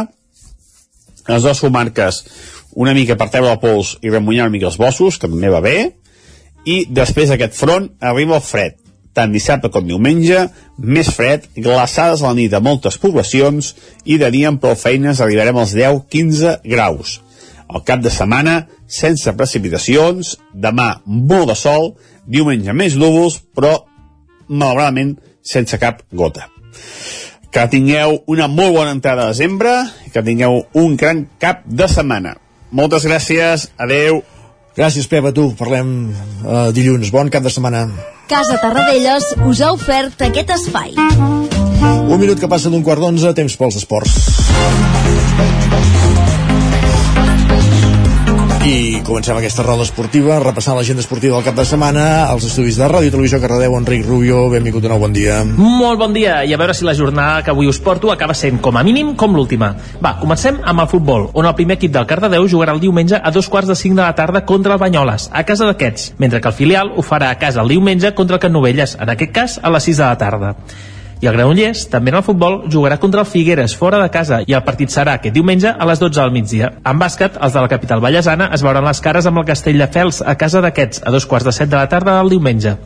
I ara ja per acabar, anem cap a l'handbol, on el Freiking Granollers jugarà fora de casa contra el Logroño La Rioja el dissabte a les 4 de la tarda. I les noies de l'handbol Cardedeu, que estan perseguint el primer lloc de la classificació, intentaran fer-ho possible jugant fora de casa contra el Finestrelles Esplugues, el diumenge a les 8 del vespre. Va, això és tot. A tenir esperança. Gràcies, Enric. Uh, avancem en aquest repàs informatiu, uh, esportiu, uh, Roger Rams, zona codinenca. Bon dia. Bon dia doncs, mira, com, com a dada, aquí a Sant Feliu ara mateix la, la pluja arriba i amb, amb ganes, eh? Però va, uh, fem, parlem d'esports, que és una mica el que fem a aquesta hora. Comencem, com sempre, pel futbol a la primera catalana. El Caldes visita diumenge a les 5 de la tarda al camp del Mataró. Els calderins acumulen 3 golejades seguides i són quarts a la classificació amb 19 punts. A la segona catalana, el grup 4, el Sant Feliu de Codines, rep demà dissabte a dos quarts de set de la tarda la visita del líder, el Torelló. Els codinencs són últims a la classificació amb només 8 punts i amb una molt mala dinàmica en les darreres jornades que han disputat. I tanquem l'episodi futbolístic al Moianès i és que demà dissabte a dos quarts de 5 de la tarda el Moià rebrà la visita de la Gleba, el grup 4 de la tercera catalana. Parlem ara d'hoquei patins, a l'hoquei Lliga Masculina, que arriba a la seva desena jornada de competició i en aquesta ocasió el rec amb les Arcaldes rep diumenge a dos quarts de 5 de la tarda la visita del Barça. Els calderins venen de guanyar la pista del Girona i són ara mateix novens amb 10 punts, mentre que els blaugranes són líders en solitari amb 25. A l'hoquei Lliga Plata Nord, la setena jornada i el Sant Feliu de Codines visita aquest cap de setmana a la pista del Ordes, a Galícia, per enfrontar-s'hi. Els codinencs són sisens amb 9 punts, mentre que el conjunt gallec és novè amb 6. I acabem a la Lliga Nacional Catalana d'hoquei patins, on el primer equip femení d'Alcaldes visita demà dissabte a les 7 la pista del Manlleu, mentre que el primer equip femení del Vigues i Riells ho farà una hora més tard, a les 8, a la pista de l'Alpicat. Gràcies, Roger. Continuem amb aquest repàs informatiu als estudis de la veu de Sant Joan. Isaac Montades, benvingut. Bon dia. Bon dia. Doncs Sí, doncs mireu, ja, aquest uh, cap de setmana tenim poca activitat uh, esportiva. Si us sembla, comencem parlant de, de futbol i anem al grup 3 de la tercera catalana, perquè la Badesenc visitarà el camp de les preses aquest dissabte a les 4 de la tarda, en un partit important pels Sant Joanins per continuar encapçalant la classificació. Recordem que són líders amb 27 punts i es mantenen invictes, tot i que han cedit dos empats en els últims 4 partits. Per la seva banda, el conjunt garrotger és novè amb 17 punts i porta dues derrotes consecutives, per tant, està en un mal, mal moment de forma i haurà d'aprofitar la, la Badesenc. Per la seva banda, el Camprodon, que amb 17 punts i porta una ratxa irregular, visitarà el difícil camp del Sant Privat d'en Bas aquest dissabte, també a les 4 de la tarda, que és quart, el Sant Privat amb 21 punts, ve d'aconseguir un empat al camp de la Badesenc, eh, i per la seva banda el Camp Nànol vol continuar la ratxa triomfal amb 4 victòries consecutives i 5 en els últims partits. Ho tindrà difícil per mantenir aquesta ratxa perquè visita el camp de la Mer diumenge a les 4 de la tarda, que són els tercers classificats amb 21 punts, tot i que porta una ratxa irregular, per tant potser és el millor moment per, per intentar-ho. Uh, Dir-vos també que la Lliga de Nacional Catalana d'Hockey Petits, l'Hockey Club Ripoll jugarà a la pista del Voltregà B aquest diumenge a dos quarts d'una del migdia en un partit important per seguir la zona alta de la classificació. Els ripolleros són cinquens amb 19 punts i el seu rival és amb 16. Per tant, es tracta d'un rival directe en la lluita per colar-se entre els quatre primers que en teoria jugaran la Copa de, de la Generalitat. I aquesta setmana no hi ha, no hi ha futbol sala perquè hi ha, hi ha aquest Mundial que s'està celebrant en què hi ha tres jugadors seleccionats de l'escola futbol sala no, en Ripoll de Cervicat, en aquest cas són Daniel Avellan, que si us recordeu el vam poder entrevistar a, a finals de l'any passat, també hi ha Pere Cortacans i, i Jaume Bonada.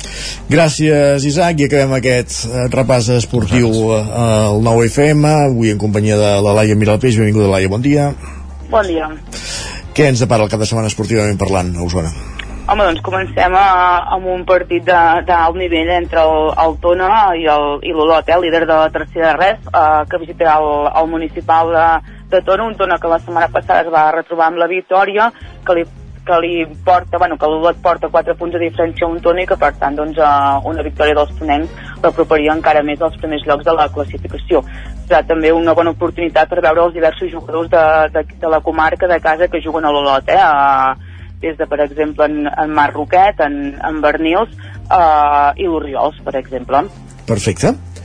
Uh, més partits això... sí, tenim a, a la Lliga Elit el, el Vic que mm, jugarà al camp del, del Sant Boian uh, en un duel de la zona mitja de la, de la taula un Vic que necessita escalar posicions després de, de trobar-se amb el bon joc però mm, de que no li acaben de sortir els, els resultats.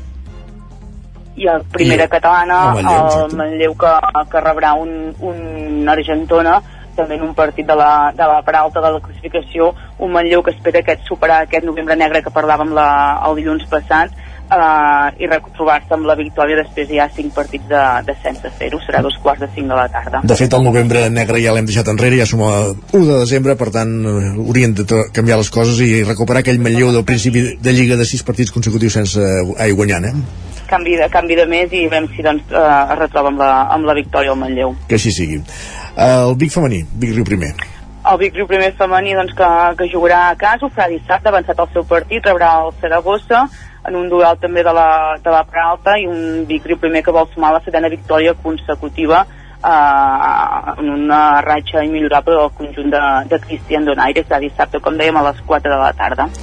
Perfecte, moltíssimes gràcies. Parlem d'hoquei. Uh, hi ha hoquei lliga aquest cap de setmana? Sí, l'hoquei lliga ja jugarà el, el Voltregà, ho farà la pista del, del Sant Just, del Sant Just, un Voltregà doncs, que també va aconseguir la victòria la setmana passada i que vol doncs, eh, sumar la segona victòria con, consecutiva. Un Voltregà que per cert també jugarà dimecres, per tant setmana intensa eh, i també doncs, serà important doncs, eh, dosificar l'esforç pel conjunt de, de Lluís Teixidor i Tudi Noguer. O que Lliga Plata, o, o que Lliga Femenina, per on continuem, perdona. Uh, que Lliga Femenina recordem que no n'hi ha perquè s'està disputant l'europeu, però sí que es disputa la Lliga Catalana, una Lliga Catalana el Voltregà ja ha quedat eliminat, i qui sí que jugarà serà el Manlleu, ho farà avui al vespre, a partir de les 9 a casa, al pavelló, rebrà el Fraga, una victòria doncs classificaria matemàticament les manlleuenques per la fase final d'aquesta Lliga Catalana. Molt bé.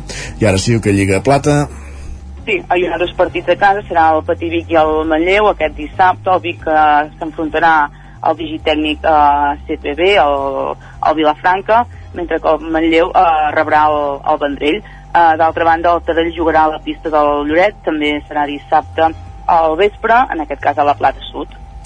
Perfecte. I repassats futbols i hoqueis, ens que deu quedar parlar de bàsquet. Sí, només queda bàsquet perquè aquesta setmana no hi ha tenis taula, el Girbau Vic TT ha jugat el partit de la Superdivisió divisió femenina, en canvi sí que hi ha bàsquet, una nova jornada pel Club Bàsquet Vic, que intentarà doncs, canviar aquesta dinàmica negativa dels últims partits, que no ha deixat bones sensacions al conjunt de Sergi Fortes, i s'enfrontarà amb un equip de la zona baixa, l'Alpicat, però recordem que la setmana passada també jugava contra un dels equips de la part baixa i no va haver-hi un bon resultat, doncs s'espera que davant de la seva afició, afició pugui recuperar el, el bon joc i sobretot sumar els, els 3 punts. Ja sabem que l'esport també són dinàmiques, parlàvem per exemple abans amb el futbol del, del cas del Matlló que va començar molt bé, eh, aquells, per, eh, aquella sèrie de partits consecutius guanyant, eh, ha passat aquest novembre negre, que esperem que canvi la tendència, i també va començar bé la Lliga del Bàsquet Vic i ara portem aquesta sèrie de, de, de mals resultats, diguéssim, i ja si aconseguim entrar en bona dinàmica, com de fet en el seu moment li ha passat al Vic Riu primer, que en aquest cas va ser al revés, que, que semblava que al principi... Està molt malament i a poc a poc doncs, ha anat recuperant suma de 3 en temps, que és el, el més important a, a, a, les, lli a les lligues, malgrat es parli de jugar bé o jugar malament, a, mm, sigui quin estigui esport, el que compta la classificació sigui sumar de, de 3 en 3. Perfectíssim, Laia. Uh, moltíssimes gràcies, ens retrobem dilluns. Merci. A tu.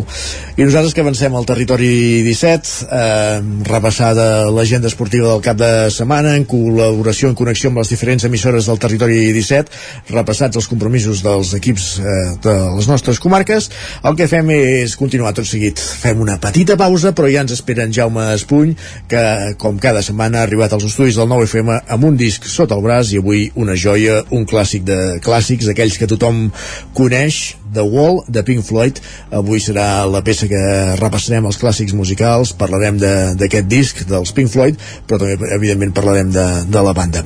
Això serà just al punt de dos quarts d'onze de, del matí, després d'aquesta petita pausa i acabarem el programa altre cop fent la roda per les emissores del territori 17, en aquest cas per repassar l'agenda la, cultural i d'actes de, del cap de setmana també a les nostres comarques.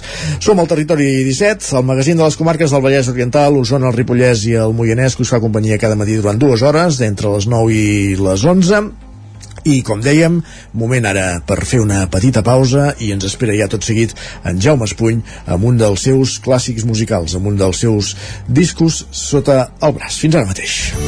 Territori 17. Envia'ns les teves notes de veu per WhatsApp al 646 079 023. 646 079 023. WhatsApp Territori 17.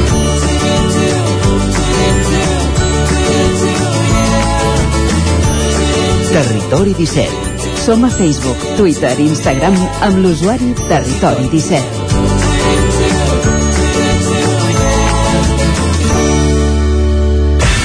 El nou FM, la ràdio de casa, al 92.8. Arriben les festes més especials de l'any i des del nou FM us ho volem dir d'una altra manera. Des de Boi Galtés, al carrer Jaume I de Vic, els nostres millors desitjos. De part del sabater de Manlleu, que estem a dalt vila, molt bones festes. De part de Piscines Martí, que som al polígon Mas Galí de Gurb, salut i gaudir de les festes. Des de Set Parc, que estem a la carretera de Roda de Vic, els millors desitjos per al 2024.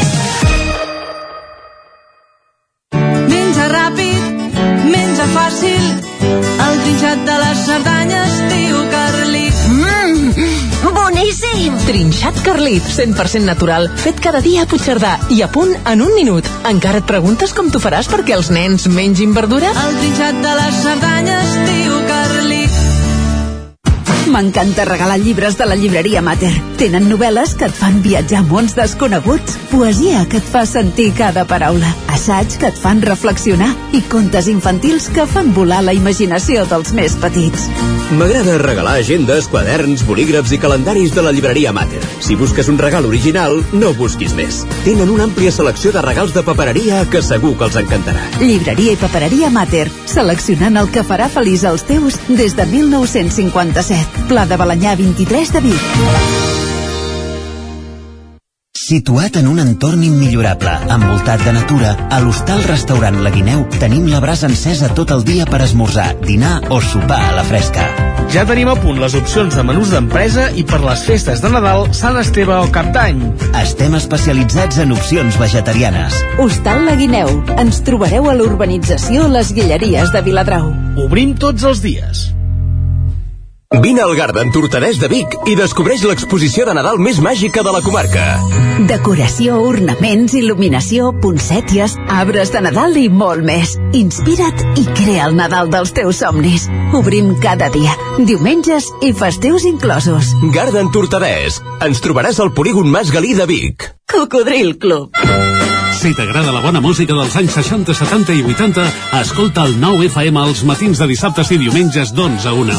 És el temps del Cocodril Club, tot un clàssic de la ràdio, amb les bases del pop-rock, les llegendes, les cançons que s'han convertit en autèntics himnes. Recorda, dissabtes i diumenges al matí, d'11 a 1, al 9 FM 92.8. Cocodril Club, el programa revival de l'Albert Malla. Hasta luego, cocodrilo. El 9 FM, el 9 FM, el 9 FM. En punt, clavats, dos quarts d'onze, al territori 17.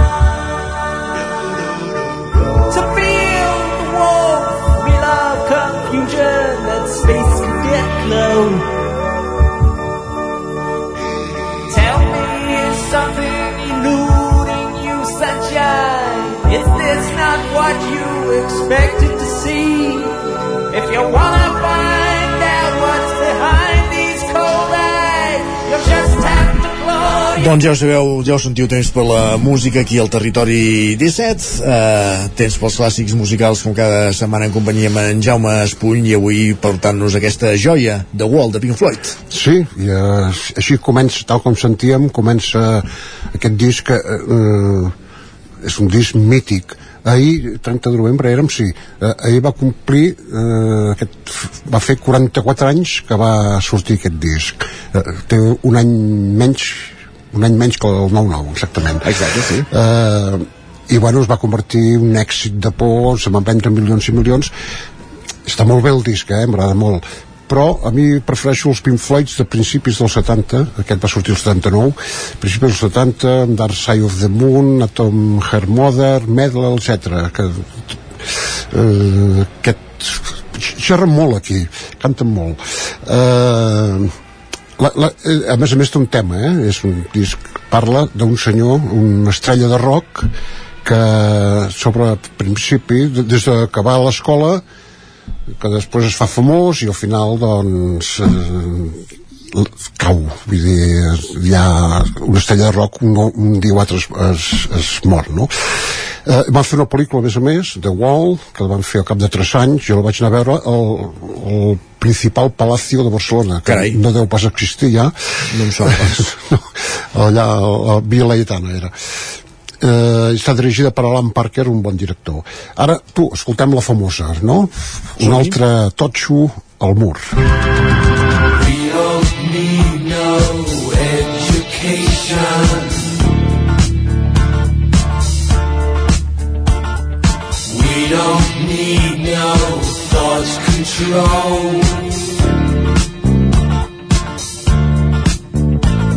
No dark sarcasm in the classroom. Teacher, leave their não.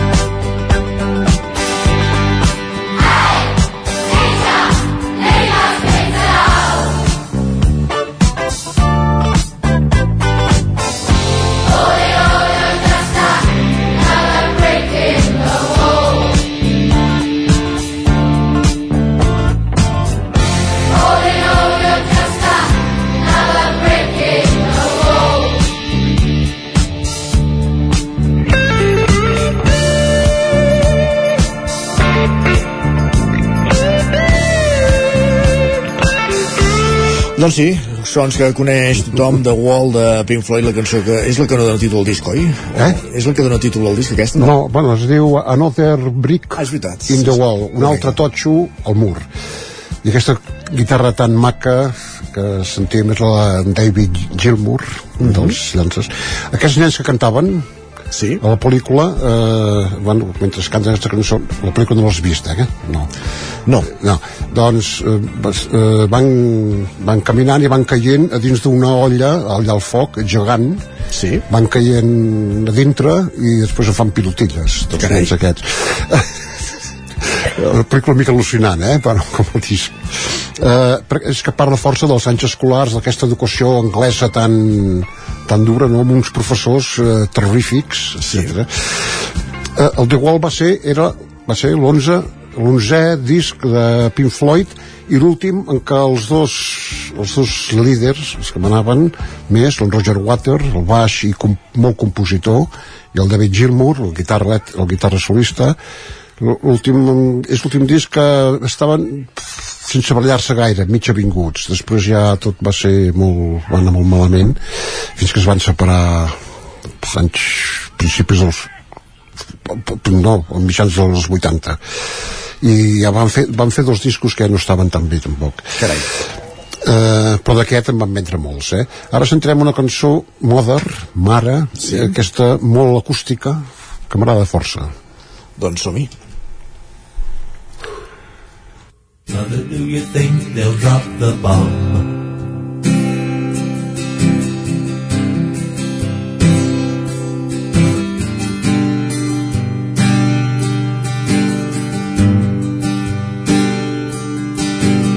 Mother, do you think they'll like this song?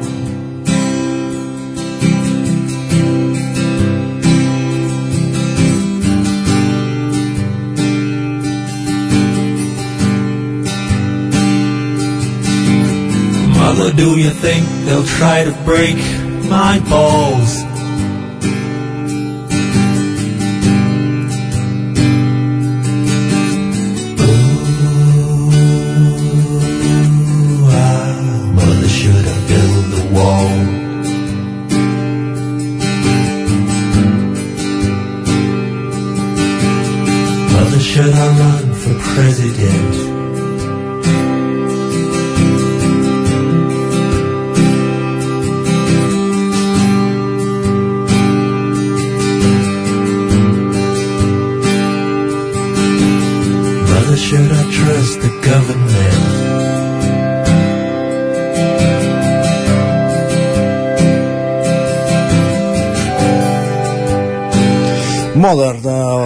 De Pink Floyd. De Pink Floyd. Eh, no he dit abans, eh, és un disc clar, per explicar tota aquesta història tan llarga sí. que va des de la primera, de la Segona Guerra Mundial fins, a, fins als anys finals dels 70 doncs necessitaven moltes cançons. En total són 26 cançons i és un disc un disc doble. Clar, vuit mesos després de de la caiguda de Berlín, que sí. va ser el 89, no sé, el setembre, em sembla, o octubre, o ah, novembre, ara no ho sé segur, novembre, em sembla.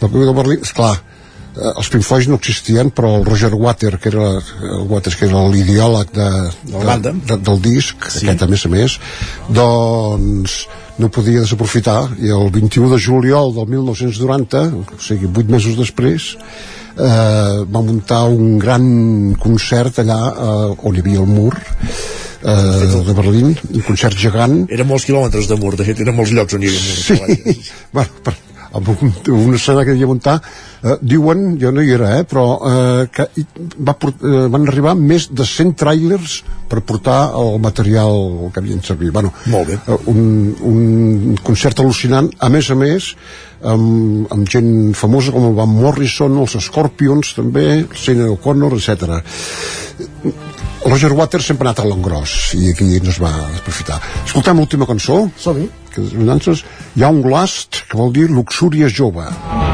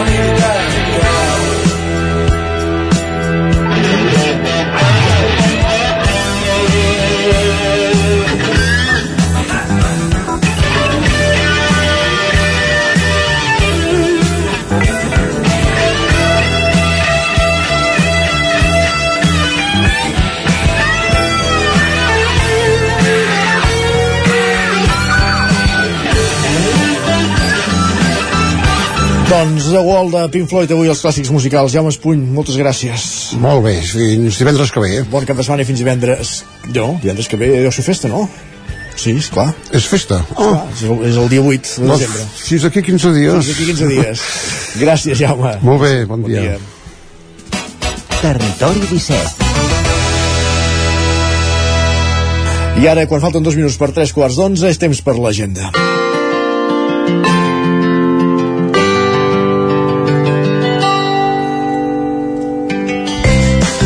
Temps per la gent del territori 17, moment de repassar en roda per les diferents emissores d'aquest programa quins són els actes més destacats de l'agenda cultural del cap de setmana. Enric Rubio, Ràdio Televisió Cardedeu. Hola de nou, Isaac. Vinga, anem a per l'agenda cultural, que avui anem plens de gom a gom. A les 5, música en família en Taís Oriol, el peix irisat i altres contes, a la Biblioteca de les Aigües. A la mateixa hora, però a plaça dels contes, també trobada per explicar-ne i gaudir-ne. A les 7, al cinema Esbarjo i dins del sisè cicle de cinema d'esports de Cardedeu, l'Himalaya Chaupadi. I a la mateixa hora, al Museu Arxiu Tomàs Balvell, inauguració de l'exposició Madola. I seguim a les 7 per al Tarambana, on Òscar Esteban farà la presentació del seu nou llibre Heredaràs la sangre. Si anem cap a dissabte, a les 9 del matí, al Mercadet, el punt de trobada de productes de proximitat sostenibles i artesans, al costat de l'església. Hi trobareu swing i també el taller per aprendre a reparar les vostres bicicletes Bici Hospital. A les 10, a la Tèxtil Race, segueix la recollida de joguines i a la mateixa hora, i també a la Tèxtil, donació de sang. A partir de les 12, a la plaça Sant Corneli, l'escudellada popular del Polvorí, que començarà amb un vermut musical amb punxadís. I també a les 12, però al Tarambana, el Roger de Gràcia ens presentarà el seu nou llibre, Digue'm boig.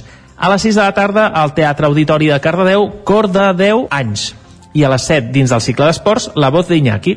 Veieu que anem plens, i ja per acabar, però, aquest diumenge, a partir de les 10 hores, podreu gaudir d'un matí fabulós al Fest In, la festa popular d'hivern de Cardedeu, a l'Avinguda 11 de setembre. A les 12, visita guiada al Museu Arxiu Tomàs Balvell amb intèrpret de llengua de signes. I al Teatre Auditori de Cardedeu, a les 6, els músics de Bremen, in concert. Ja per últim, i per acabar aquesta jornada tan plena, que no està poc, cluenda del sisè cicle del cinema d'esports de Cardedeu, l'Himalaya, amb Por Todas, desafiando a l'Anapurna. Així que ho veieu, tenim unes jornades de cultura plenes a Cardedeu. Fins dilluns. Gràcies, Enric. Bon cap de setmana. Roger Rams, zona codinenca. Eh, repassem també l'agenda a les teves contrades. Doncs vinga, va, comencem com sempre aquí a Sant Feliu de Codines, on des d'avui divendres i fins diumenge la, a les dues hi tindrem la Fira d'en Nadal. Enguany amb 45 parades compliran el centre del poble. Al mateix àmbit de la Fira hi trobarem també la Casa dels Desitjos, instal·lada a l'antiga farmàcia i diverses, eh, diverses activitats organitzades per entitats locals que recaptaran diners per la Marató de TV3. Finalment, diumenge es posarà a punt i final el cicle de teatre de tardor amb l'obra Inòpia, al Centre Cívic La Fonteta, a dos quarts de sis de la tarda. Si marxem cap a Caldes de Montbui, avui divendres s'inaugura una nova exposició titulada Transhumanza, que s'ubica a l'altell del Centre Democràtic i Progressista i es tracta d'una proposta d'art contemporani protagonitzada per l'artista de Sant Feliu, Toni Carné, l'italià Giovanni Lombardozzi i el japonès Ikuo Masumoto. D'altra banda, al mateix espai que aquesta exposició, a l'Ateneu del Centre Democràtic i Progressista, diumenge al vespre s'hi fa un concert de Sílvia Tomàs Trio i també diumenge, però a les 10 del matí, l'escriptor Aleix Garriga oferirà una xerrada titulada La biologia de la informació. Això serà a la sala de cuines de Can Rius. A Vigues i Riells del FAI, d'una banda, i tenim la Fira de Santa Llúcia de Riells, que serà demà dissabte durant tota la jornada i que també comptarà amb un pessebre vivent. I encara demà arriba la tercera edició del concurs de música jove, enguany obert a tota la comarca del Vallès Oriental i, i al Teatre Auditori Polivalent. I finalment diumenge, en el mateix espai, a les 5 de la tarda, s'hi farà l'obra de teatre 3 i un grapat. I acabem, com sempre, el nostre repàs al Moianès, on avui divendres a les 7 es fa l'encesa de llums de Nadal a la capital, a Moià, amb actuacions de la xaranga de l'espai musical i brou per tothom. I ja diumenge tenim dues propostes esportives. D'una banda, la segona caminada popular de Calders, que servirà per visitar els espais on s'hi ha previst la construcció de macroparcs ho vam abordar aquí al territori 17 fa unes setmanes, i finalment a Castellterçol, també diumenge, s'hi farà la matinal pel Moianès amb una caminada de 15 quilòmetres per l'entorn natural del poble. Gràcies, Roger, també bon cap de setmana. Gràcies, que tingueu un bon cap de setmana. Fins dilluns. Fins dilluns. Isaac Montades, la veu de Sant Joan, com tenim la gent del Ripollès. Bon dia, Isaac. Doncs mira, la tenim bastant plena. Uh, aquest dissabte a Sant Joan de les Abadeses hi haurà la Festa del Voluntariat Ambiental organitzat pel Centre d'Educació Ambiental Alter amb uns actes que començaran al, matí amb una trobada a la plaça de Barcelona on s'organitzaran els grups i les zones i tot seguit hi haurà una acció al riu Ter amb l'extracció d'una planta invasora. També hi haurà una colent de, de l'acció a l'escorxador i pica-pica en producte al Ripollès per tothom. Cal dur si es tenen guants, tisores o serra de podar i altres eines per retirar la, la vegetació. Dissabte eh, hi haurà a Ripoll la inauguració de l'exposició Papili, l'Eudal a la Bau, a les 12 del migdia, al museu. També, eh, en aquest cas a Can Dànol, el dissabte hi haurà la inauguració a Torre Mossèn Tor de l'exposició de pintures de Pau Elias, titulada La moda fil dels temps, que s'inaugurarà a les 6 de la, a les 6 de la tarda. A banda també destaca la tercera mostra de pessebres populars i fragments, que també s'inaugurarà a les 12 aquest dissabte, amb poemes de Pau Elias musicats interpretats per Jordi Ballesteros. Uh, també dir-vos que dissabte se celebra el Movember a Ripoll, uh, que normalment se sol fer pel novembre, però van una mica tard, en aquest cas, eh, de la mà del Rugby Club, es farà un petit vermut popular electrònic a la plaça de la Lira, hi haurà un partit del Ripollet Rugby Club sub-16 i un tercer temps popular amb remullada de bigotis a la tarda. Aquest dia diumenge hi haurà la 62a pujada al pessebre al cim del Taga, a càrrec de a la Unió Excursionista Sant Joan de les Abadeses d'en Marc Puig i l'Albert Masós, que són els que l'han fet, la sortida a les 8 des de la Rodona i es preveu fer el cim a dos quarts d'onze del matí. I, uh, i ara mm, permeteu-me avançar una mica perquè no podrem parlar molt de les fires de Nadal i dir que hi ha fires de Nadal a Ripoll, a Sant Joan i Can de Bànol. Um, destaquem, per exemple, de la de Sant Joan de les Abadeses, que organitza un altre mercat de, de Nadal a la plaça Ansel Clavé a partir de les 10 del matí. Això serà el proper dissabte. Ens en anem a la, a la següent uh, setmana amb tot de productes doncs, uh, artesanals de, de Nadal. En canvi, la Fira de Ripoll serà del 6 al 9 de, de desembre, o sigui, ja a partir de, el dimecres que ve, si no em falla la memòria, amb tallers infantils i, i familiars d'arreu de, de Catalunya, hi haurà demostracions de Ripoll Comerç, ac accions per la Marató també, i en aquest cas a Can de Bànol serà eh, aquest dimecres que ve, la 17a edició de la Fira de Nadal també tindrà doncs, diverses actes pels més menuts i també doncs, eh, eh, hi haurà coses relacionades amb la Unió de Botiguers i, i bé, són una mica les tradicions d'aquesta època del pont de, de la Puríssima que es fan totes aquestes Fira de Nadal uh -huh. i per acabar només dir-vos que a Sant Joan de les Abadeses també dimecres al, als 12 del migdia el Palau de l'Abadia de Sant Joan acollirà un concert de Nadal a jazz a càrrec de Swing Boys Jazz Quartet amb Sophie Allen i s'hi podrà accedir per un preu de només 5 euros. Doncs queda recollit. recollit. Gràcies, Isaac. Bon cap de setmana també. Bon cap de setmana. I acabem aquest recorregut als estudis del 9FM amb en Miquel R i en Jordi Vilarrodà. Benvinguts tots dos. Moltes gràcies. Moltes gràcies.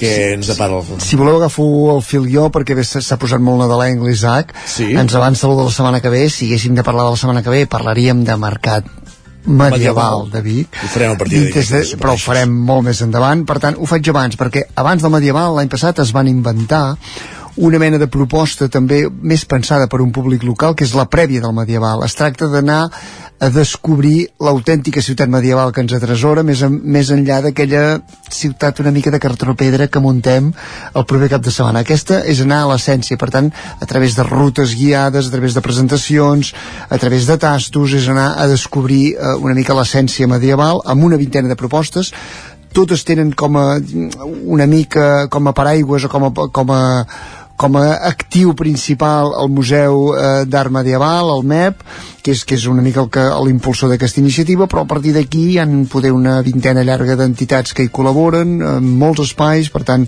us convido a agafar l'agenda, a descobrir els, les moltes descobertes que es poden fer. Va començar a Ivespa, precisament amb un toc de campanes invocant la pluja, i ara en aquests moments està plovent, per tant, alguna cosa podem fer les campanes, i això s'allarga fins diumenge a la tarda. Eh, segona gran proposta que arrenca ja aquests dies, mítica, emblemàtica, la Fira de l'Avet d'Espinelves, 42 edicions, això arrenca aquest dissabte, lliurant a la Pilarín Vallès l'Avet d'Or, aquest any és el que el recollirà, són 10 dies per acostar-nos a Espinelves, eh, amb, amb, amb horaris diferents segons si és dia laborable o és dia festiu, però de ben segur que també és una, una bona ocasió per anar, per anar a descobrir el poble. I eh, així a nivell també nadalenc recordar també que hi ha Fira de Nadal a Sant Vicenç aquesta que s'ha reformulant amb els anys ara és simplement Fira de Nadal amb diverses propostes des d'una gran quina que munten sempre per tancar la Unió Esportiva de, de Sant Vicenç fins a cantades de Nadales en fi, anar fent ambient i anar fent boca del, del Nadal i res, recordar també que està encara viva la festa major de Tona. Estem ja a recta final. I entre d'altres qui vulgui pot anar a veure els nous gegants restaurats diumenge a partir de les 11 del matí que és quan arrencarà la cercavila. Perfectíssim, gràcies, Miquel.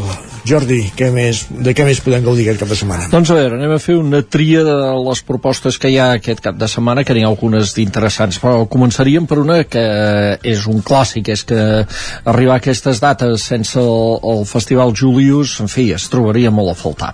I és que el Festival de Curtmetratges de Vic que organitza el, el Cineclub Vic arriba a la vintena edició, vintena edició des de que aquesta entitat el va recuperar, perquè hi havia hagut unes quantes edicions anteriors, de l'any 87 al 96 el Julius ja havia existit després desapareix i després eh, ara fa 20 anys eh, justament doncs el Cineclub Vic el recupera ja sabem que de festivals de curtmetratges n'hi ha molts eh, però aquest sempre té una cosa especial que hem de recordar que és que totes les pel·lícules que es projecten en el Julius s'han fet expressament per al Julius De fet, o sigui... jo, jo diria d'una altra manera, hi ha festivals de curtmetratges i després hi ha el Julius, Hi ha el festival, el Julius, el festival exacte. de curtmetratges per excel·lència. Per excel·lència, perquè aquí tothom que hi presenta una pel·lícula és perquè eh, s'ha inspirat en el tema que proposa l'organització i se l'ha treballada durant uns mesos.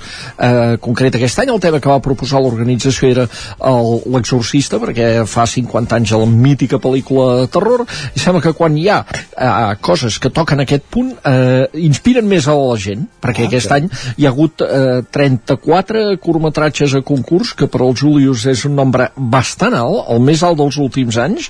Eh, poder feia més de 10 anys que no hi havia tants curs inscrits que es projectaran entre aquest divendres a partir de dos quarts de set del vespre a l'Espai ETC i demà a partir de dos quarts de quatre a la tarda. En dues sessions repartits perquè són molts. I després a les 9 del vespre demà també a l'ETC hi haurà l'entrega de premis eh, es reparteixen gairebé 6.000 euros en premis dels quals doncs, el guanyador són 1.500 és el premi principal d'aquesta edició de, del Festival Julius. Però hi ha més coses aquest cap de setmana. Més coses, clar. més coses, anem a destacar-ne una també perquè és potent eh, que és la- l'arribada aquí a l'Atlàntida. Ja havia passat pel Sirvianum de l'obra de teatre el cos més bonic que s'haurà trobat mai en aquell lloc que és un títol llarg, és d'en Josep Maria Miró dramaturg, de Prats de Lluçanès que ara mateix jo diria que és el dramaturg català amb més projecció internacional justament aquesta setmana li acaba de donar un premi a l'ESGAE, la Societat d'Autors, el Premi Jardiel Poncela, per un nou text, escrit en català, a més a més, que es dirà El monstre. I ell arriba, aquí Vic avui farà una tertúlia amb estudiants de teatre, els estudiants de Seni Vic, eh, i eh, és que acaba d'arribar, ahir mateix ens deia que acabava d'arribar l'avió perquè ha estat més d'un mes fora, entre una residència a Nova York, eh, uns tallers de teatre a Mèxic, eh, en Miró és, és, és, com deia, ara mateix és el més internacional dels nostres dramaturgs. Però qui l'interpreta més aquest text? I quan va fer aquest text, ah. quan va fer aquest text, eh, va començar doncs, a, a, donar-lo a conèixer i en Pere Arquilloé se'n va enamorar amic. d'aquest text. I és un gran monòleg, ha tingut molts premis, eh, el va estrenar el Pere Arquilloé fa, ara fa dues temporades, el temporada alta, eh, i ha anat fent i eh, arriba a l'Atlàntida, que serà aquest dissabte a les 8 del vespre eh, aquí a Vic Altament recomanable. altament recomanable. També tenim més coses, l'Al- sense moure'ns a l'Atlàntida, eh? sense moure'ns a l'Atlàntida, avui a les 10 del vespre hi ha en Joan Dausà, que fa el segon dels concerts, el primer el va fer ahir, dintre del final de la seva gira, de la gira del seu últim disc, que l'acaba justament aquí amb aquestes dues actuacions, que ara el sentim.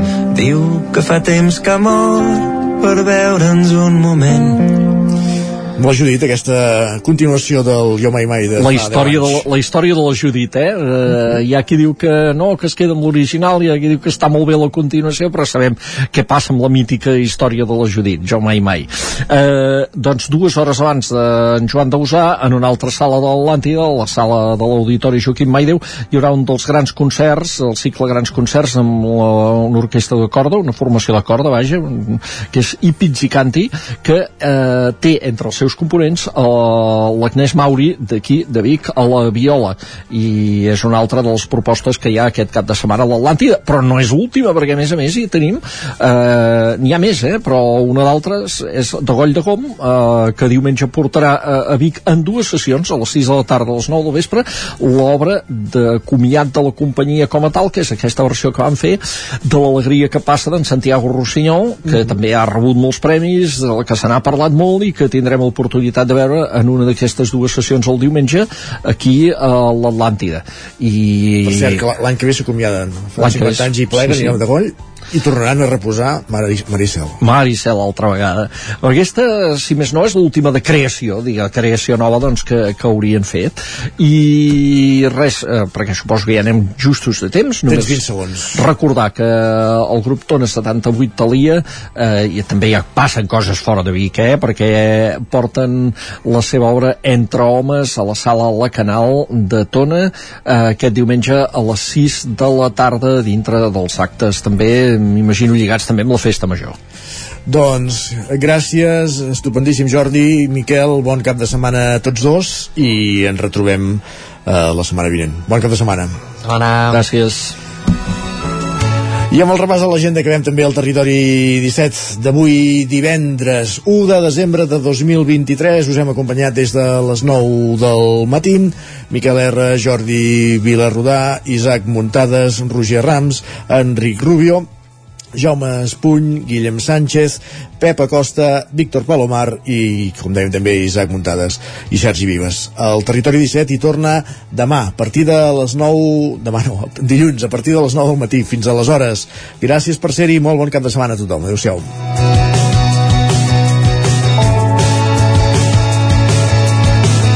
Territori 17, un magazín del nou FM, Ona Codinenca, Ràdio Cardedeu, Ràdio Vic i La Veu de Sant Joan, amb el suport de la xarxa.